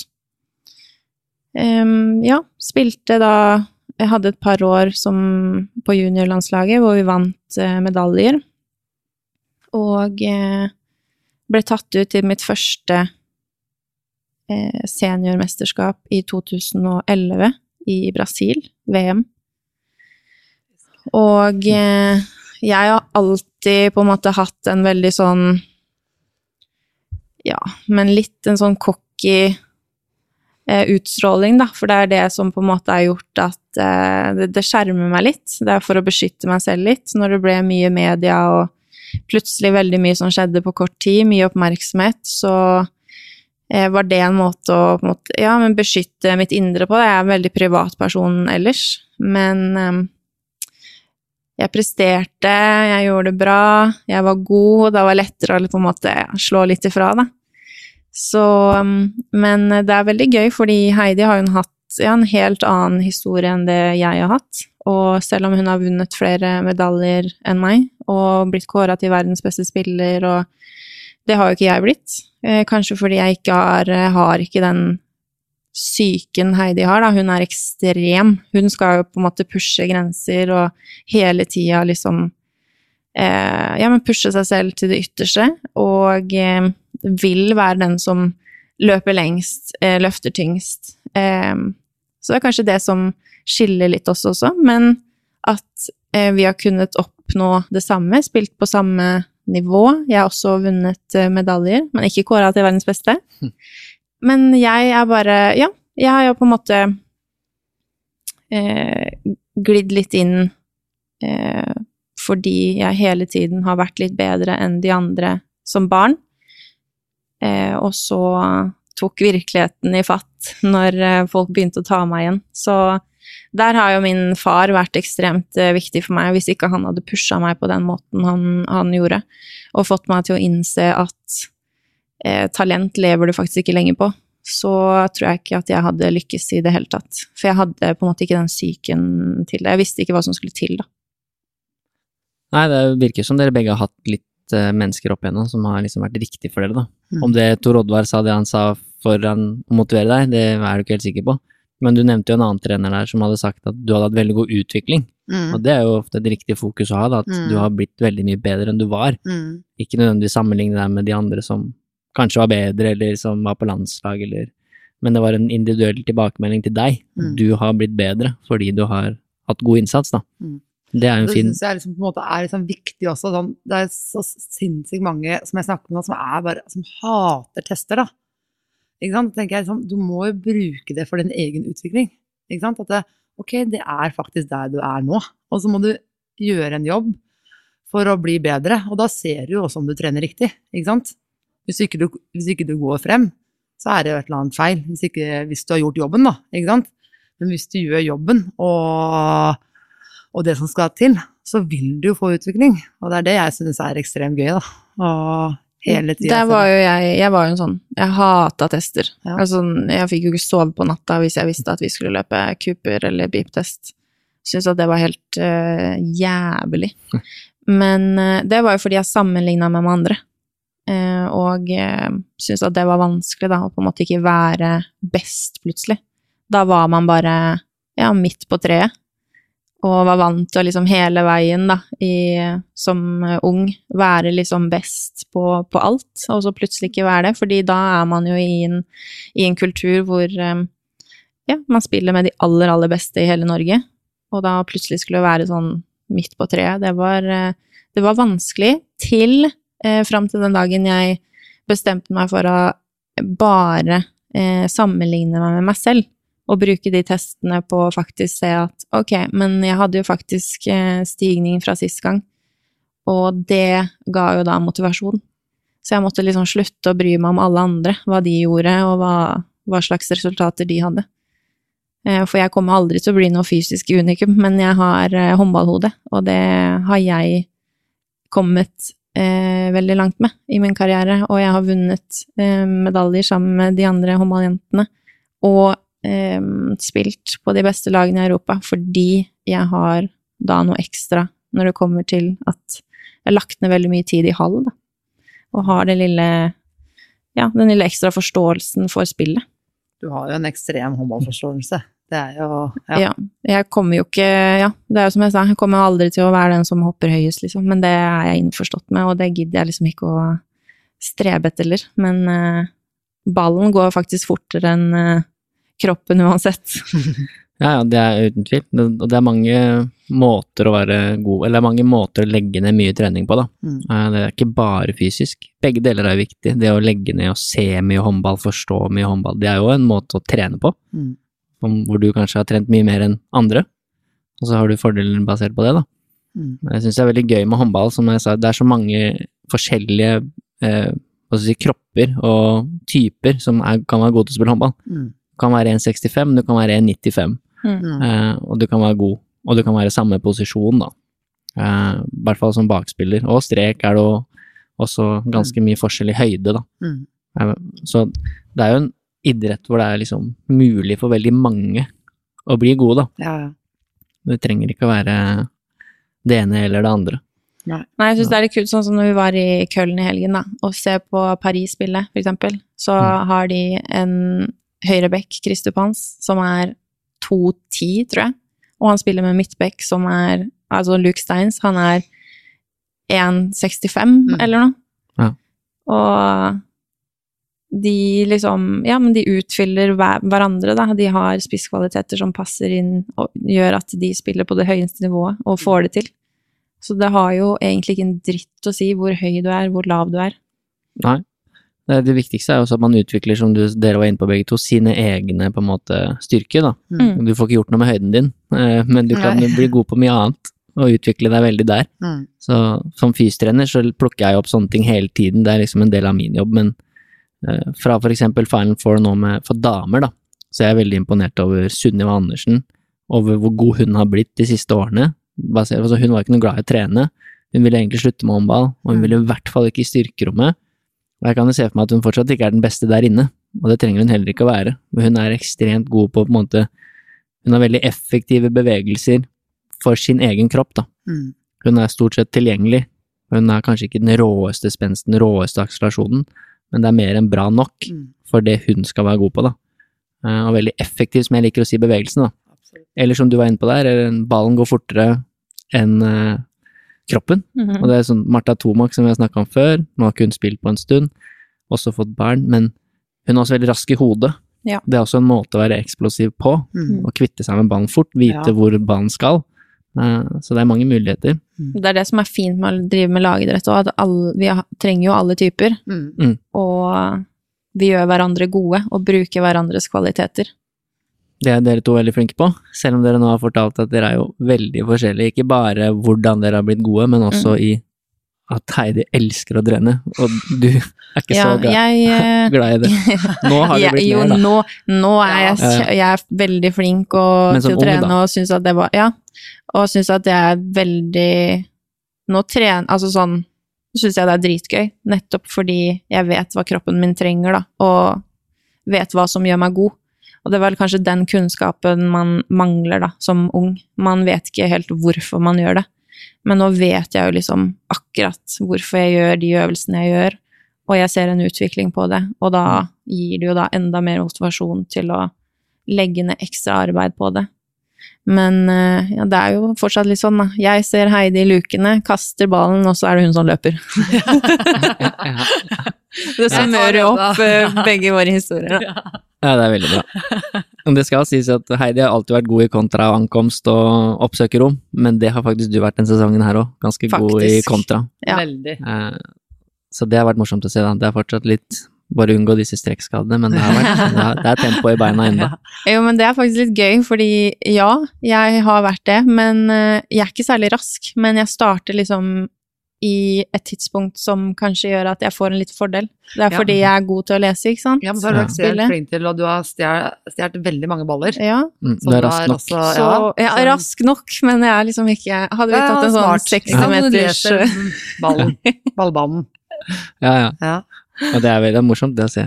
Der er Camilla, Camilla Erem er jo rask, men hun Ja. er ikke ekstrem. Hun er ikke Vicky eller Jeanette, men hun er rask, da. Men hun er jo veldig rask, og veldig god på timing. Mm. Og da kan du se fryktelig rask ut, da. Mm. Fordi at hun både timer bra og er ganske kjapp. Mm. Det ser ut som hun er lynrask. Og hun er jo rask, da, men hun Ja. er liksom ikke Hun er ikke helt sjuk. Det er ikke Camilla Herm, liksom. Nei, men du snakker om Camilla Herrem, da. Å, jeg gjorde det! Ja. Å ja. Hun er jo dritrask. Ja, det er det liksom mange tror at Hun er rask, da, for all del, men hun er liksom ikke som jeg, Jeg syns hun ser ut som hun er Usain Bolt ja, når hun kommer på kantra og retur. Ja, og Ja, hun, hun, er, så er hun er rask. sinnssykt rå til å stjele ballen. Ja, det er det jeg mener. Hun Ja. er veldig god på begge deler, Ja. Og da ser du helt vanvittig rask ut, da. Mm. Men hun er jo kvikk i tillegg, da. Absolutt. ja, som F. Jeg tror jeg, hun hadde rukket å komme tilbake, for jeg hadde startet, jeg tror jeg. Kom til midten. Faktisk. Men en annen kontrast som jeg hadde lyst til å prate om, som var eh, med dere to, eh, som dere nevnte i stad, det er jo nå snakket dere litt om utviklinga deres og ungdomsår og, og hvordan det på en måte har slått igjennom som spillere. Eh, dere har begge vært i Gjør, Ja. Og vi snakket litt om det i stad, det er jo en helt annen type kontrast, da, men Heidi sa at mange, hen, mange av hennes beste år var der, i Mm. GØR. Og kanskje Amanda sitt verste år som håndballspiller var i GØR. Mm. Så der igjen er det jo to helt forskjellige opplevelser av Mm. samme klubb, samme land. Eh, sikkert mange grunner til det, men hva, hva kan dere si rundt det, hvis du først, kan fortelle deg? Det var, hvordan det var for deg å være GØR? Du vant jo Champions League flere ganger der nede. Mm. Jeg tror jo veldig mye handler om ledelsen som var der. Vi hadde jo forskjellig ledelse.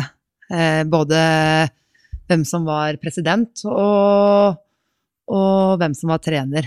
Så Ja, det er jo Det helt har- det har- klart ja. trener. Altså det sånn, har jo mye å si, på en måte sånn Lederen, eller treneren, har jo ekstremt mye å si. Jeg hadde jo Ambros eh, Martin, han spanske. En sånn helt fantastisk trener som Ja. Han er eh, medmenneskelig, ekstremt dyktig faglig, eh, og ja, og så hadde vi en som het Ernu eh, som president, som også var bare tenkte spillerens beste hele tida. Og det var en kjempefin eh, klubb å være i. Og vi vant jo, Gjør har jo vært i en del finaler opp igjennom, de har aldri liksom slått eh, liksom vunnet, da. Så det var jo, jo helt fantastisk å få være med på, å vinne vinne med Gjør. Eh, og vi vant vel tre år Var det tre år på rad, eller? Jo. Jeg tror det var tre år på rad, ja. Sikkert det er helt feil. Mm. Ja, så, så det var jo Ja, det er jo noen av mine beste år, eh, sånn håndballmessig. Hvor eh, det var en helt fantastisk sånn kultur utenom med eh, publikum og fansen der og Ja. Det var profesjonalitet eh, hele veien, da. Så mm, Det var ganske mange andre nordmenn også, var det ikke, når du var der? jo, eller det som var Katrine Lunde, var jo den første, hva skal jeg si, eh, nordmannen i eh, Eller norske, da, i, eh, i Ungarn. Og så var jeg nummer to. Mm. Jeg var veldig usikker, for jeg hadde jo Alexander var jo rett før han Eller han var jo tre, tre år da jeg ble spurt. Og så var det sånn ja, Skal jeg ta med han til Ungarn? Eh, helt hadde liksom, Visste ikke så mye om Ungarn. Mm. Og, men så sa jo Katrine at vet du hva, jeg har et eh, par her som har lyst til å passe Alexander. Eh, hvis du kommer. Og det, ja, ja. ja. Jeg, ok, jeg hiver meg uti det. Og så kan jeg være der i to år. Da, når Alexander skal begynne på skole igjen, så flytter jeg hjem igjen. Men det endte jo med at jeg var der i seks år. Alexander begynte på ungarsk skole, og ja, han også hadde jo fantastiske år der, og hadde egentlig ikke lyst til å flytte tilbake. Så Nei, det er som sagt det er noen av mine beste, beste håndballår, og fikk mange gode venner og har fortsatt kontakt med mange ungarere den dag i dag. Hvordan med deg, Amanda? Du hadde en litt annen opplevelse i Gjør? Ja, jeg hadde en grusom trener som ødela alt for meg. Ja. Mm. Um, når jeg kom, så var jeg bare fem måneder uh, altså etter operasjon av korsbånd, og hadde hatt litt komplikasjoner etter operasjonen som gjorde at uh, jeg var ikke helt i rute med der jeg skulle være, men det hadde jo klubben fått oppdateringer på underveis hele tiden fra fysio og lege i, i Norge, fra Olympiatoppen, så de visste jo status hele veien. Men eh, han eh, hadde da eh, Han mente at eh, i Ungarn så spiller vi etter eh, seks måneder etter en korsbåndsoperasjon. Og jeg skulle ikke føle meg spesiell, eller jeg kunne ikke komme her og tro at jeg var noen bare fordi jeg var norsk og hadde vunnet eh, medaljer, og jeg skulle bli behandla på lik linje som en ungarer, da. Og der, der spiller de etter seks måneder. Så vi kom jo veldig skeivt ut. Jeg hadde jo vært da i Romania et par år og visste liksom hva jeg gikk til. Jeg var jo sterk sånn mentalt, så stå opp for meg selv eh, tidlig. eh, Og ville ikke bli pressa til å gjøre noe dumt, og det fikk jeg streng beskjed om fra, fra legeteamet hjemme òg, at eh, sjansen for å ryke det igjen hvis man starter før det har gått minimum ni måneder, er utrolig stor. Og jeg vil ikke ta den risikoen. Men eh, det hadde han tank, sine tanker om, så da starta jo et helvete for meg. Og ble bare verre og verre, så til slutt så Ja, det er jo en helt annen historie, da, men eh, jeg fikk til slutt eh, kommet meg vekk. Og ja, det var veldig, veldig tungt. Måtte bruke mange, mange måneder på å bygge opp meg, meg selv igjen. Jeg snakka mye med Tom Henning Øvrebø, som er psykolog, og eh, hadde egentlig bestemt meg for å slutte på håndball, egentlig. Han hadde klart å ødelegge meg såpass gjennom ja, ett og et halvt år var det, med daglig trakassering. Så eh, til slutt så sier bare kroppen eh, stopp. Det gikk liksom ikke noe mer. Og eh, fikk jeg heldigvis eh, kommet meg ut fra kontrakten ved hjelp av advokater. Fant et smutthull i kontrakten min. Og eh, kom meg hjem, bygget meg sakte, men sikkert opp igjen. Det var deilig å være nær familie og venner. Og så fikk jeg en telefon da fra Helle Thomsen, som var i Tyrkia. Og med en gang så tenkte jeg bare nei, ikke faen. Er du gæren, eller? Det der tar jeg ikke sjansen på. Eh, da var altså ferskt da, vet du, så jeg var jo ikke klar for det. Men eh, hun eh, masa hver eneste dag. Og så sa Brede til meg at eh, kan vi ikke bare gjøre det sammen, da? Eh, Det er bare seks måneder. Og så gjorde vi det. Og det er jeg så utrolig glad for i dag. At eh, Brede og pappa eh, og Helle overtalte meg til å ta den sjansen. For jeg hadde noen helt fantastiske måneder i Castamono. Og ble behandla som en dronning fra start til slutt. Eh, og fikk tilbake motivasjonen igjen, og så valgte jeg faktisk å reise til Romania igjen. Jeg ville ikke at eh, den treneren i, i Gjør skulle være mitt siste utenlandsminne. Så da var det opp på hesten igjen, og, og da følte jeg egentlig bare Jeg følte meg uovervinnelig, da. Det er ingenting som kunne tråkke meg på tærne eller gjøre noe som helst med meg. Jeg hadde vært gjennom eh, det aller verste. Um, så da var egentlig bare Gikk som en drøm, det. Det var liksom alt med true med det ene og det andre, det lo jeg bare av. Så jeg var jo en helt annen person. Eh, ja, sterkere enn jeg noen gang hadde vært. Men eh, jeg hadde egentlig to, to år der. Men så gikk eh, min farfar eh, bort i april i fjor. Og da skulle de nekte meg å dra på begravelsen hans, fordi de mente at eh, det var en kamp som var viktigere. Eh, Og da kjente jeg bare at eh, nå er jeg så drittlei av det her. Jeg følte meg liksom mett, og jeg følte meg fornøyd, og jeg følte at jeg gidder ikke å ofre familie, som er det viktigste i hele livet mitt. Og når jeg da sto i en sorg om å ha mista farfar, og så skulle de begynne å nekte meg det ene og det andre, da, da kjente jeg bare at nok er nok. Em, og det var da jeg valgte å dra hjem igjen, da. Jeg følte at jeg hadde oppnådd det jeg ville, og var på en måte hadde bygget meg opp igjen og var sterkere enn noen gang, og følte at ja, jeg er fornøyd med det jeg har gjort, og hadde fått den revansjen som jeg ville fra han ungareren. Så da var jeg liksom på et veldig godt sted. Jeg husker det godt. Du snakker jo litt om den forrige episoden. Da kunne du ikke si så mye, for da var det liksom midt oppi det med gør, og da var det litt advokater og ting fram og tilbake. Jeg hadde fått munnkurv, så Ja. Og så husker jeg godt i Romania, da var vi i Romania samtidig. Jeg var jo i Bucuresti. Og jeg spurte jo deg ofte om ting, eh, hvordan ting var, og hvordan skal man håndtere det her, og da var det jo eh, litt mer sånn at du nesten bare lo av det. Bare sånn, ja, dem er bare sånn. Og Ja. sånn er det, og sånn og sånn, og så må du bare håndtere det på den måten og drite i det, egentlig. mm. For man opplever jo litt andre ting, og fordi kulturen er annerledes, og tenker annerledes, og Mm. eh, som du sier, eh, Heidi hadde jo en god trener der, Mm. Mm. så, og en god president, og en helt Mm. annen opplevelse, så det er jo litt sånn menneskebasert, og det er jo ikke bare klubben. Nei, det er jeg helt sikker på hadde vært eh, helt annerledes for meg, hadde det vært en annen trener. Mm. Em, Da ser man hvor viktig ledelse er, da. ja, Du skjønner, Mm. Det er jo ekstremt viktig. Det er Det er sånn det. det har veldig mye å si at det er jo de som på en måte styrer deg, da. Det er sjefen din. Du, det er ikke så mye du skulle ha sagt. Eh, de kan egentlig gjøre hva de vil.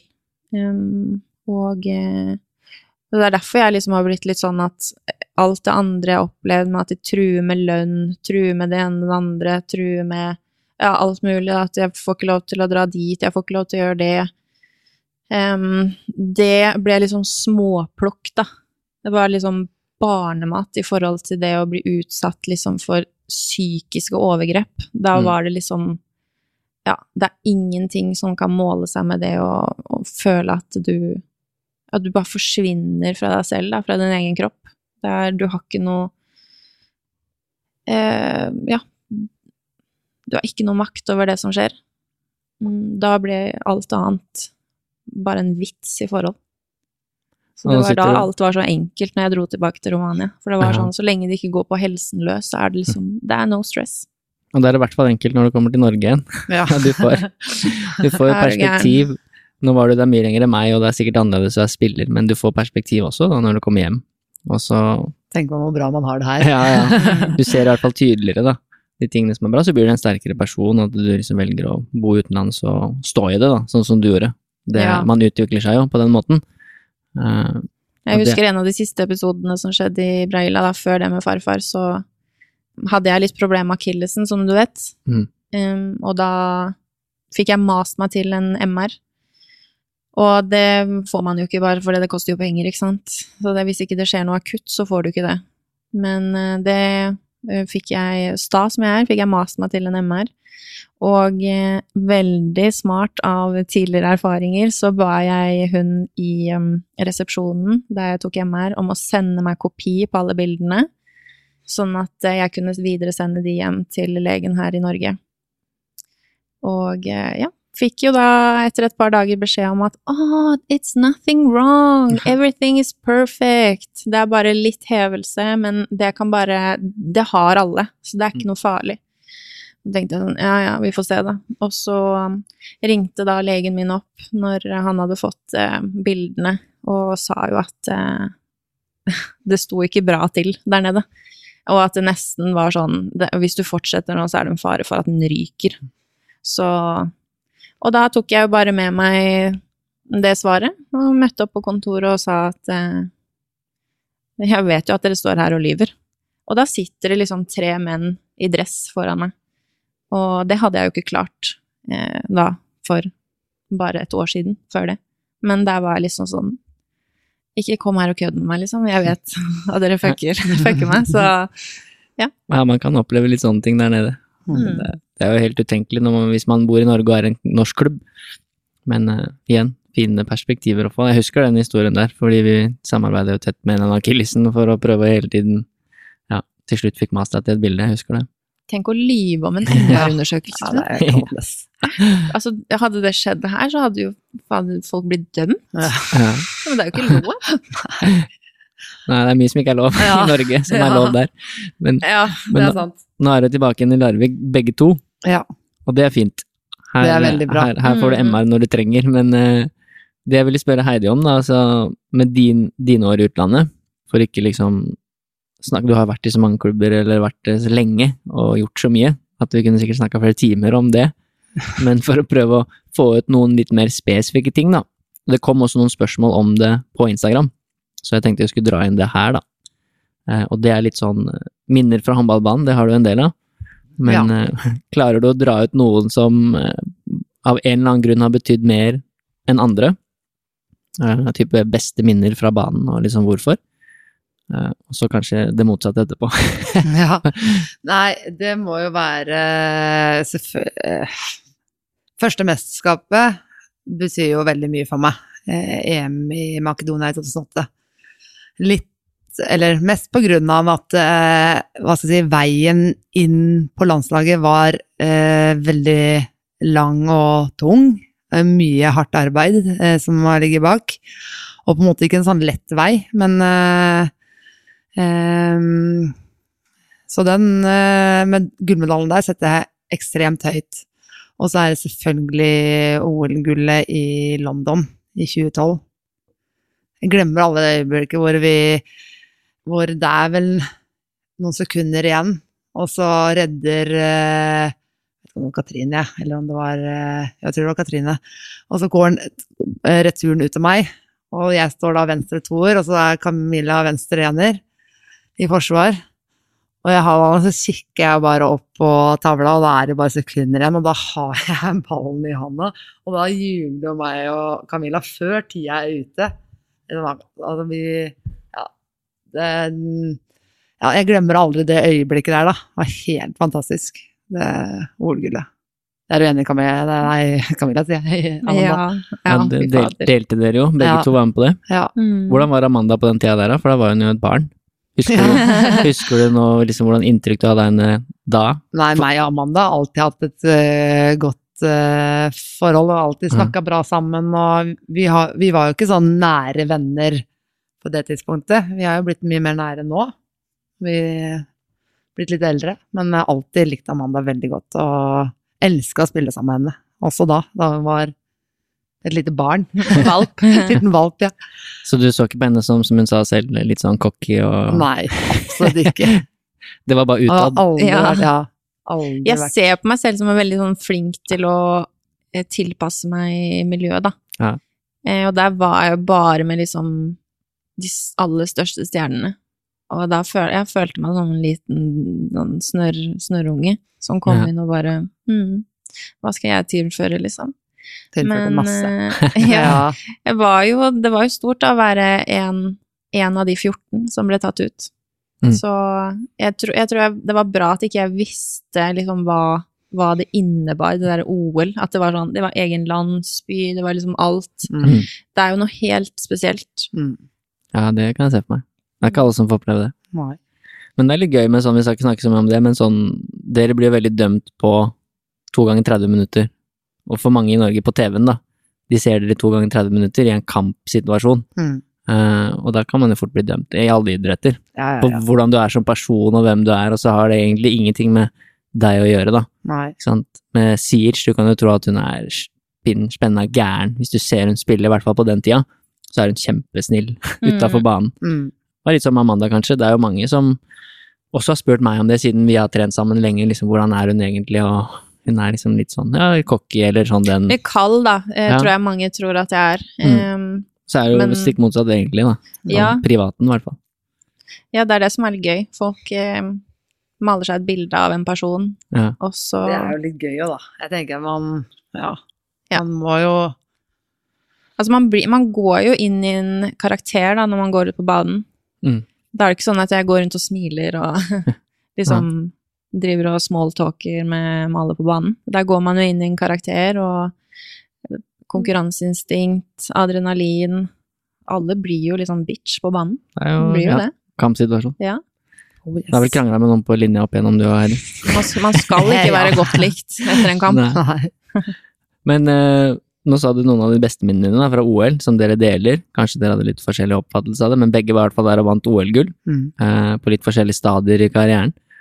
Hva er det verste minnet ditt fra håndballbanen, eller den største utfordringen du har kjent på? Jeg kan si, hva skal jeg si, verste sånn nederlag, da, tap, eh, sånn kan jeg si, da. Det var jo Vi var jo i Champions League-finalen med eh, Gjør mot Bucuresti i Mm. 2016. Og vi var egentlig veldig gode, og var kanskje det beste laget på det Var favoritter, ja. Var favoritter, klare favoritter. Og så klarer vi å rote det til, og så blir det ekstraomganger. eller det blir fire ekstraomganger. Ja. Og Ja, det ble straffekonk. Ja, så ble det straffekonk. og så er jo eh, hvem som skal ta de straffene, da. Fem, de fem straffene. Så er det jo liksom folk som på en måte egentlig pleier å ta straffer, som ikke melder seg, ikke sant. Oh, ja. Og så så Jeg melder meg, da. Og så var vi fem stykker. Så skulle jeg skyte som nummer tre. Og så eh, eh, Skårer hun første. Det var Anniko Kovacic. Og så og Det beste var jo at Ambros, som var treneren vår, han bare Han var helt sånn Han var så stressa. Og det eneste han klarte å få fram på, oss, var Don't shoot middle! Don't shoot middle! Og så bare ok, ok, ok, ikke skyt midt på, ikke skyt midt på. Ikke skyt. Ja. Og først Nikke Gråt, da, som skal skyte, etter Anniko Kovacic. Og Nikke skyter midt på. og så eh, skårer jo da Bucuresti, og så var det meg nummer tre. Jeg skyter også midt på. så det var Så vi tapte jo den Champions League-finalen pga. våre to eh, eh, straffebom, da. Ja. Så det var jo litt sånn Men man må jo liksom tåle å bomme, da. De, og være der liksom tørre å ta de straffene. Mm. Og liksom Man kan jo bomme. Men Mm. det var jo selvfølgelig veldig stressende når Ambros også eneste han sier er liksom 'don't shoot middle', 'don't shoot middle'. Nei, jeg vet at jeg ikke skal skyte midt på, men Men eh, Så det var eh, Ja, det gikk greit. Det var eh, Jeg var skuffa kanskje en uke etterpå, men så gikk det fint igjen. Ja, Ja, Men eh, jeg blir minna på ja, veldig ofte Alexander, da. Hvis jeg kommer med et eller annet til han, så er det bare ja, du da som bomma straffe i Champions League-finalen. Ja. Så det får jeg høre ofte av han. Du har vunnet Så- noen finaler òg, da. Ja. Ja, du virker jo som en person som er ganske sterk mentalt, da. Jeg kan se for meg at du rista, men brukte du noe tid på det etterpå sånn mentalt, og liksom bli ferdig med den bommen? Mer, det var en uke, sa du, og så var du ferdig. Da er det ikke så gærent. Nei, altså, var det sånn jeg hadde, den kampen hadde jeg vært eh, hadde, jeg tror jeg hadde åtte eller ni mål også. Så det var liksom, jeg følte at jeg var eh, At jeg kunne sette han, da. Ikke Mm. sant? Så, men det var en forferdelig dårlig straffe. Mm. Så ja, jeg Når Alexander minner meg på han, så blir jeg litt forbanna på meg sjøl. så eh, Men jeg tenker liksom, ja ja. Livet går videre. Neste. Neste, ja. Ja. Det er jo en del av jobben som toppidrettsutøver. Ja. Og det er jo mange som opplever det. Jeg husker Camilla Herren bomma var det en OL-finale eller semifinale eller et eller annet. Bomma på en lobb eller noe. Ja. Mm. Og når liksom skuffer en hel nasjon, jeg kan se for meg at det er tøft mentalt. Eller han eh, Østigård nå, som fikk krampe i leggen og slipper inn målet der på slutten som Norge taper og Mm. mest sannsynlig ikke kommer til EM. Det må være tøft å bære det på Jo, men Skuldrene. samtidig så er det sånn som Heidi sier, da. Det er jo verre med de som trekker seg i de avgjørende Ja, ja, ja, situasjonene. Du må tørre å være Altså, det skal mye Du skal være sterk mentalt, da, for å tørre å ta de sjansene også. mm. Jeg var mer forbanna på de, Ja. forstår du hva jeg mener? De som på en måte normalt seg, ja. pleier å ta straffe, da. Mm, For det er, lett, det er jo den Mm. letteste utveien å ikke ta den vinkelen, eller ta den straffa. Men de som faktisk gjør det, det er jo de Det er jo de som er liksom, sterkest mentalt. Mm. Det er veldig lett å sitte etterpå som tilskuer og ha meninger om Ja. hvor dårlig det var. ja. Ja, men dere har opplevd mye på håndballbanen, både oppturer og nedturer. Dere skal få noen spørsmål her på slutten, så ikke jeg holder dere altfor lenge i dag. Men før det så tenkte jeg vi skulle snakke litt grann om det å være gravid og trene, og det å komme tilbake på håndballbanen, da, som blir relevant for Amanda nå, Mm. etter man har vært gravid. For det er det jo litt meninger rundt, vi snakket jo litt om det i stad. Mm. Du har gjort det tre ganger, Mm. og du sa at den første gangen du gjorde det, så var ikke det vanlig. Da var det egentlig sånn at når du, du var egentlig ferdig med håndball, når du fikk barn. Eh, og så er det jo litt annerledes nå. Nå har man jo mange, ikke sant. Kari Bratseth kom akkurat tilbake nå, Camilla Herrem kom veldig kjapt tilbake. Det er flere, da, ganske mange i den generasjonen, at eh, Mm. Amanda skal jo også tilbake. Mm. Eh, og så vidt jeg jo gravid, det er mange som er i den situasjonen. Mm. Men du var jo en av de første som på en måte ja, kom tilbake på det nivået, da, Mm. etter fødsel. Så hvordan, hva har du å si rundt det, liksom, med alt fra meninger fra andre til det å fysisk komme tilbake, da, på banen etter man har vært gravid? Først og fremst syns jeg det er veldig gøy å se at det er så mange nå, da, som faktisk blir eh, Eller få barn og kommer tilbake. For da jeg fikk eh, Alexander for eh, nesten 16 år siden, så hadde jeg en lege i Skien. Fantastisk eh, fin fyr. Han, han var veldig sånn jeg var veldig sånn i tvil om hva kan jeg trene? Prøvde å søke litt om det på nettet, men det fantes jo ikke så veldig mye. Han sa også at det finnes ikke så mye forskning på det. Men han var sånn, så lenge du har det bra, så har barnet det bra. Og han var veldig sånn, så kan vi heller ta litt oftere ultralyd, så du kan se, se at alt står bra til med barnet da. Så jeg følte meg kjempetrygg igjen, så jeg trente akkurat som før, men jeg spilte ikke håndball da. Nei. Det gjorde jeg ikke. Jeg slutta med håndball. eh, Jeg ga vel beskjed da jeg var syv uker på vei, og siden jeg da var strekspiller, så, som er en ganske sånn utsatt eh, posisjon, så ja, man vil jo ikke risikere noe. Men samtidig så trente jeg ekstremt bra fysisk. Både styrketrening og utholdenhetstrening. Og, og ble fulgt opp veldig godt av eh, han eh, legen i Skien, da. Så eh, det var jo mange meninger om det òg, at eh, man skal ikke ha for høy puls, det kan gå utover barnet. Eh, ja, du skal ikke trene noe ekstra, da. Mm. Men han, han har veldig sånn beroliga meg på det, at det kommer til å gå kjempebra. Så lenge du har det bra, og det er jo Det gir jo energi å trene. Så ja, så det gikk jo egentlig Alt gikk jo kjempefint, og fødselen og alt gikk veldig bra. Og var egentlig, egentlig var ganske kjapt tilbake til første unge. Da løp jeg en liten tur på 20 minutter, eh, seks dager etter fødsel, og var på håndballtrening dag sju. og var med for fullt da etter det, da. Håndballtrening dag sju, ja. Dag sju, ja. Amanda, det Det, jeg tror jeg går med bleie dag sju, Ja, jeg ikke. Jeg hadde på meg Jeg hadde ikke bleie, da, jeg hadde bind, da. Jeg hadde slutta med den store bleia kanskje dag seks. Men du sa jo i stad at du også eh, ville legge ut at du var på løpetur etter seks dager. Litt for å få noen reaksjoner òg, i kjent Ja. eh, løkestil. Selv om Ja. ikke jeg skal sammenligne deg med han andre som er enda gærnere. Ja, han er enda gærnere. Nei da, han øh, Jo, jeg Første svangerskapet så tenkte jeg ikke så mye over det, for da hadde jeg ikke så veldig mye erfaring med det. Men øh, da følte jeg egentlig bare på kroppen, på en måte sånn Ok, jeg prøver, se hva jeg klarer. Og han legen også var veldig sånn Har du noe vondt, så stopper du. Ikke sant? Veldig på det, da. Også hvis du kjenner noen sånn nedpress, eller noe, du skal liksom være forsiktig, da. Men du må kjenne deg fram. Og jeg følte at jeg hadde full kontroll, på en måte. Og, og jeg tror at jeg liksom fikk veldig mye igjen for at jeg trente og kunne trene, og ikke hadde noen plager under eh, svangerskapet, da. At jeg kunne trene helt inn, eh, faktisk fram til siste dag, da. Og, men jeg fikk jo også masse meninger da etterpå, når jeg var liksom så tidlig tilbake igjen, at eh, at jeg liksom, du må huske å nyte tida, og de blir jo så fort store. Og, men det er jo sånn, i starten så sover jo eh, De sover jo og spiser, og tisser og bæsjer. Det er jo det de gjør. Så det at eh, jeg fikk også lagt inn trening, det gjør jo veldig mye med hodet, og at eh, jeg følte meg som en bedre mor når jeg fikk trent.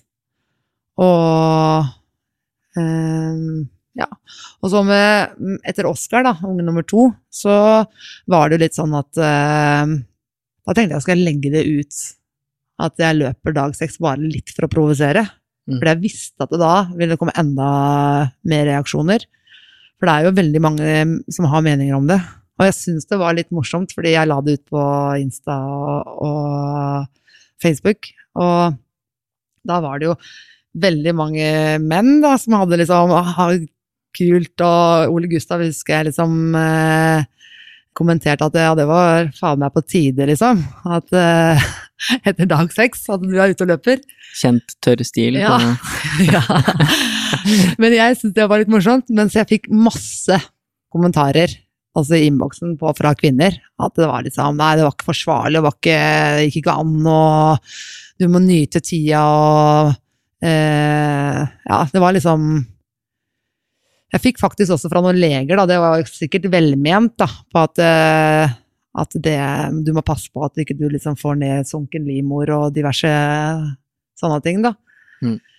Men som sagt, sånn fra første svangerskap, jeg følte at jeg hadde rimelig god kontroll. Eh, selvfølgelig, det var jo ikke som vanlig, men, eh, men jeg kjente at jeg hadde liksom kontroll der nede, da. Og, og jeg har jo vært til eh, sjekk og blitt fulgt nøye opp, da. Mm. Så Men det som også er, da, at etter svangerskap og etter barn, så var det sånn etter jeg fikk Alexander, så var det jo ikke vanlig på den tiden å få barn og komme tilbake. Så jeg var jo på en måte Ok, da er du ferdig som håndballspiller. Da, det har også vært litt sånn motivasjon for meg, da. At eh, vet du hva, det er faktisk mulig å drive toppidrett og være mor. Vi er jo kjempeprivilegerte at vi kan drive s- liksom ha hobbyen vår som jobb, da. Og man har faktisk mye mer fritid enn det veldig mange tror. Det er jo sånn periode hvor man er vekk, men samtidig så har både klubb, alle klubbene jeg har vært i, i og landslag vært ekstremt eh, flinke til å tilrettelegge det. Mm. Sånn som Alexander har jo vært med i alle mesterskap, fram til 2017 faktisk. Så i ti år da, var han med. Så Det har blitt mer og mer vanlig. Du har jo vært, eh, hva sier man, nesten en pioner. Vært litt, gått litt foran der òg, og vist at det er mulig, da. Så det er Ja. sikkert mange andre etter hvert, men nå er det jo helt vanlig at man får barn, og så ja. kommer man tilbake og, og legger til rette. Og jeg syns jo også det er litt gøy også sånn etter unge nummer to, da, for ja, nå er det slutt, liksom. Mm. Men da er han meg. og så nå etter unge nummer tre, liksom 40 år og Ja. Nei, jeg syns det er litt gøy slutt. å motbevise litt, da. Ja. At det er faktisk mulig, da, hvis man eh, ja, legger ned nok tid og Ja, og er motivert, da. Så Så er det, jo, Er det mulig? har det gått fint for deg. Du er jo frisk og rask, og Ja. ting er i orden. Ja. Så det er bra. Det lover godt for Amanda også, som har en som Heidi, nå som du skal gjennom det samme.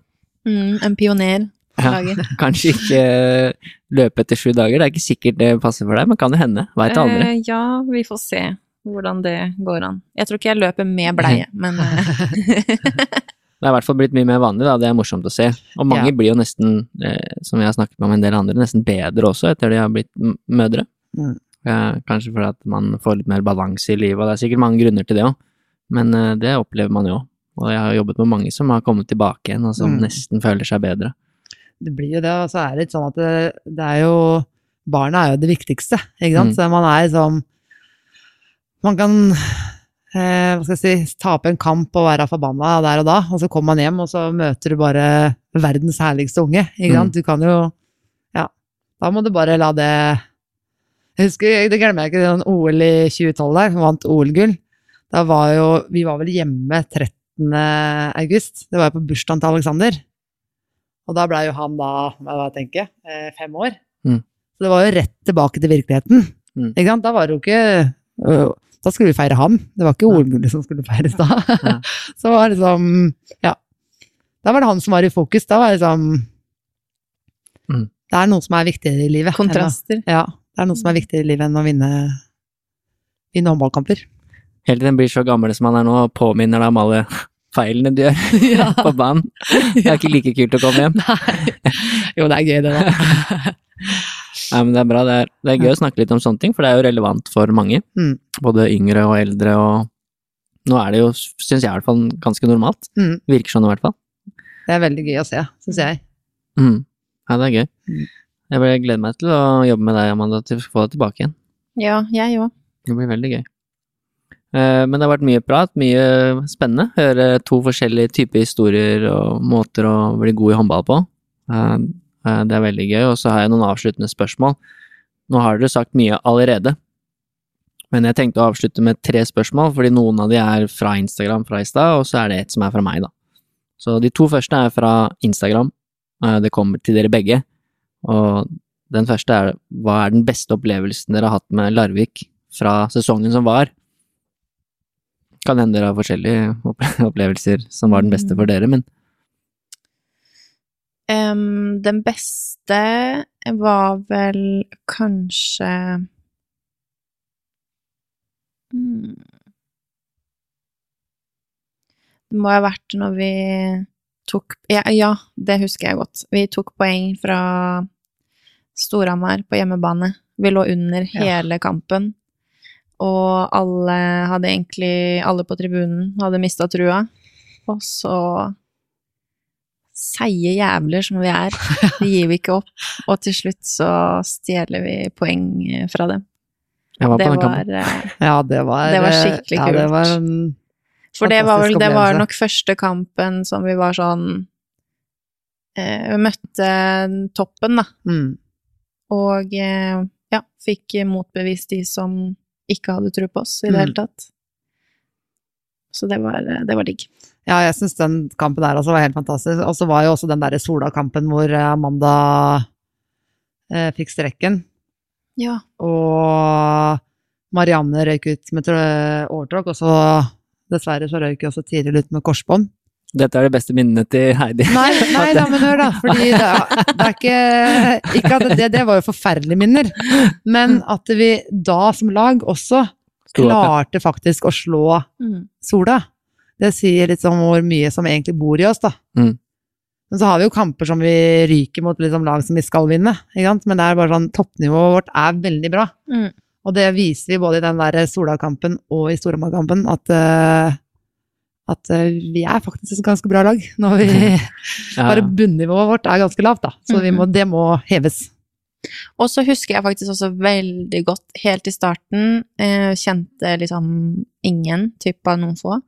Og så skulle vi ha, Eirik hadde innført eh, på treningsleiren vi var på da, så skulle alle holde en presentasjon om seg selv. det var fint. Eh, liksom Kult. bare sånn, ja, men helt sånn eh, rått. Og bare typ kle seg naken og fortelle om sin egen historie. Og der Altså, folk bøy så mye på seg selv, da, og slapp oss liksom inn ordentlig inn i hjertet deres.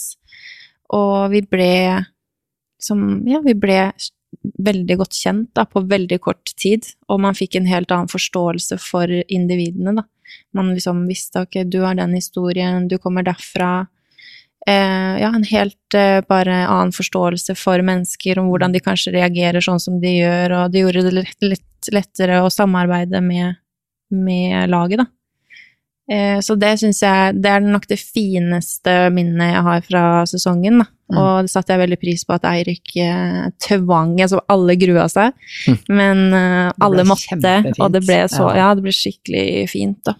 Ja, det var en kul ting å gjøre, da. Mm, Fin ting å gjøre. mm. Og så ble det liksom med det. Vi snakka ikke noe mer om det. Mm. Eh, og folk, folk kom jo med veldig sterke Man- historier. Ja, så ble man, man ble så godt kjent eh, fort, da. Ja. Det var sånn oi! Jeg hvor- gikk jo fra å ikke kjenne en til å bare ja, ville, ville klemme personen. Mm. Så det var veldig, veldig fint. Mm, Skaper jo litt eh, ekstra samhold, det, på et dypere nivå. mm. Blir sikkert eh, bedre som lag da. Ja, så tenker man litt sånn over at det, fader, alle har liksom ting å slite med, og sin Mm. historie, da. Det er Mm. sånn, ja. Og så fikk man liksom forståelse for at ja, men den ja, du utagerer sånn på grunn av det, da. Man fikk litt sånn Mm. Det er helt i orden. Før så kunne man kanskje hva faen er det du står og klikker for, eller hvorfor Ja. sier du det på den måten, eller Man fikk bare en dypere forståelse for uh, hvert individ, og det var veldig fint. Det her er jo, det, dette er jo definisjonen av podkasten min, eller det som er formålet. Mm. Å dele Mm. eh, for å få forståelse, da. Mm. Eh, både for å noen ganger få trøst, noen ganger bli inspirert, noen ganger bare få mer oversikt og forståelse for de andre. I hvert fall Mm. hvis dere er på samme lag, da. Mm. Det var en fin, fin ting å gjøre, da. Så det ble litt tårer og latter med Ja. en gang der. Det var fint. Mm. Ikke sant? Jeg husker den kampen mot Storhamar jeg var der. Mm. Og det er jo deres, et av de beste minnene deres.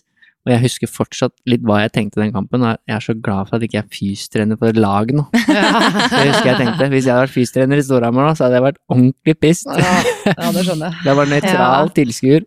Det var deilig. Mm. Ja, jeg husker jeg kom på den siste kontraen der, og jeg hadde seriøst, jeg var så sliten at jeg holdt på å ja, daue på et tidspunkt. Og jeg løp på kontra på de siste minuttene der, og hadde krampe i begge leggene. Jeg løp med sånn platt fot, for jeg klarte ikke å dra ifra med tåballene, liksom. Det var, jeg var så sliten. Men du løp for det. Kanskje det norske landslaget for herrer kan lære av det, da. kan løpe selv om du har krampe. Ja, det er sant. Men det var det beste opplevelsen med Larvik fra sesongen som var. Mm. Og så blir det her litt eh, sånn spesielt for deg, men hva er det dere ser mest fram til med neste sesong? Med Larvik, da. Og din sesong blir jo litt annerledes. Ja, min sesong blir litt annerledes, men eh, jeg gleder meg Altså fra der jeg kommer til å være, da, så gleder jeg meg selvfølgelig til den reisen jeg skal gjennom eh, privat, men også det å kunne tilføre altså min kunnskap og det mine perspektiver til laget, da. Eh, Selv om jeg ikke kan være med å bidra, så ønsker jeg jo å bidra med det jeg kan fra sidelinjen og hjelpe eh, hjelpe de unge spillerne og være til støtte for, for hele laget, egentlig, og bare fortsette å ha den rollen som jeg har hatt selv eh, på banen. Så blir det annerledes, men eh, jeg ønsker jo å være til stede så, så mye det lar seg gjøre, da. Og ja, komme med innspill og tips til det jeg kan bidra med. Det er bra. Du har Mm. planer om å bidra med det du kan. Ja, det har Ja, jeg. det blir bra, det. Selv om Amanda ikke kan være på banen, så har hun mye å tilføre for Ja. laget. Hva er det du ser mest fram til, Heidi? Annet enn beep-tester og Ja. ja. Og alle andre alltid. nei da. Men eh, nei, jeg gleder jo meg til en ny sesong og være hva skal jeg si, ordentlig form når eh, sesongen starter, for min egen del. Mm. Eh, det var tungt i fjor, når man kom tilbake rett etter fødsel og vite at man starter på minus. Ikke sant? Så, så det skal være deilig. Og så for lagets del så er det jo på en måte Vi har jo på en måte den samme kjernen, på en måte, da, bortsett fra selvfølgelig Amanda, som blir ute nå en periode. Så får vi bare bygge på det som er, og så eh, tror jeg vi kommer til å ta nye steg med Arne som trener også. Mm. Ved at vi kanskje kan bli enda bedre trent. Og at vi kan kanskje vinne de kampene som vi eh, burde ha vunnet, vunnet i fjor, da. Det er kanskje litt, kanskje- eh, ja. det er kanskje litt tidlig, jeg vet ikke om det er hvor tidlig dere begynner med sånne prosesser, men har dere satt dere noen mål for eksempelvis det med Europa, da? Er det noe som klubben på en måte vil håndtere om dere vinner kvaliken og skal ut og spille Europa? Med tanke økonomisk og sånne type ting. Jeg håper jo det, da. Jeg tipper jo at vi kommer til å, når vi starter igjen etter ferien, at det blir eh, målsetningsmøter og Mm. liksom prat rundt det. Eh, og så er det jo avhengig av at man får inn sponsorer og sånn at vi kan fortsette videreutvikling, da. Det er jo alfa og omega for at det skal kunne gå, det her. Men det fikser går Ja, vi får håpe det. Ja. Nei, det blir gøy å se, liksom ta steg da, nå fra forrige sesong. eh, Mm. Ytterligere steg, og så bygge videre på, på det bra vi gjorde. Mm. Og i tillegg da få en trener som har litt annen tankegang enn det Eirik hadde. Eh, og han har jo mye mer liksom, fokus på, på løpinga, og det tror jeg at vi, vi kan vinne veldig mye på. At eh, em, hvis man ser spiller for spiller, så er jo liksom toppen De har jo et, en bredere stall, men at vi kanskje kan vinne mye på det å orke det lille ekstra. Og være litt smarte med, med oppstart og kontra. Det er veldig enkle mål, kontramål. Mm. Ja, det kommer vi til å klare med litt rutinerte folk som dere på laget, og litt sånn old school Heidi Løke-trening. Det funker bra, det.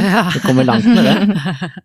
Det kommer du langt med. Det blir spennende å følge med. Jeg skal komme på litt kamper i år også. Det må du gjøre. Så får vi se om Amanda får får med seg siste halvdelen av sesongen. Nei, ikke halvdelen, men Åh, nei, siste, blir siste delen av sesongen, da. Ute i Ja, mai. det er i pluss, i hvert fall. Ja. Eh, Målet er fra neste sesong, da. Ja, det er lurt å ha det som mål, så er det alt annet en bonus. Ja. om det skulle komme noe før. Det blir uansett gøy å følge med på Larvik, i hvert fall, og se hva dere kan bygge. Det er jo Mm. spennende og bra for norsk håndball, syns jeg, at flere som på en måte er litt seriøse, da, Mm. eh, og som tør å satse litt både i Europa og med å hente spillere og ha et ordentlig opplegg, da. For det er som du sier, det er ganske mange gode lag i Norge, egentlig, men så er det tøft å drive håndballklubb. Mm. Trenger noen som Brede som virkelig jobber døgnet rundt for at det skal gå, for du trenger penger og ja, man skulle nesten trengt flere personer på, ikke sant? på den delen, da. Som Mm. bare jobber ut mot sponsorer, for en som gjør det, er for lite. Ja. Mm. Altså, det blir spennende å se hva dere får til. Mm. Eh, Det siste spørsmålet er jo eh, kanskje ikke et spørsmål, men mer tanker. Dere har jo sagt veldig mye nå. Og du jobber jo på Vang, og du, du jobber jo også på en måte med de unge spillerne på laget, og du har en sønn selv som spiller håndball, som er ung. Jeg jobber også på Vang. Du jobber også på Vang. Ja. Mm. Så det er jo mange unge som lytter, Mm. eh, og nå har de hørt to forskjellige historier.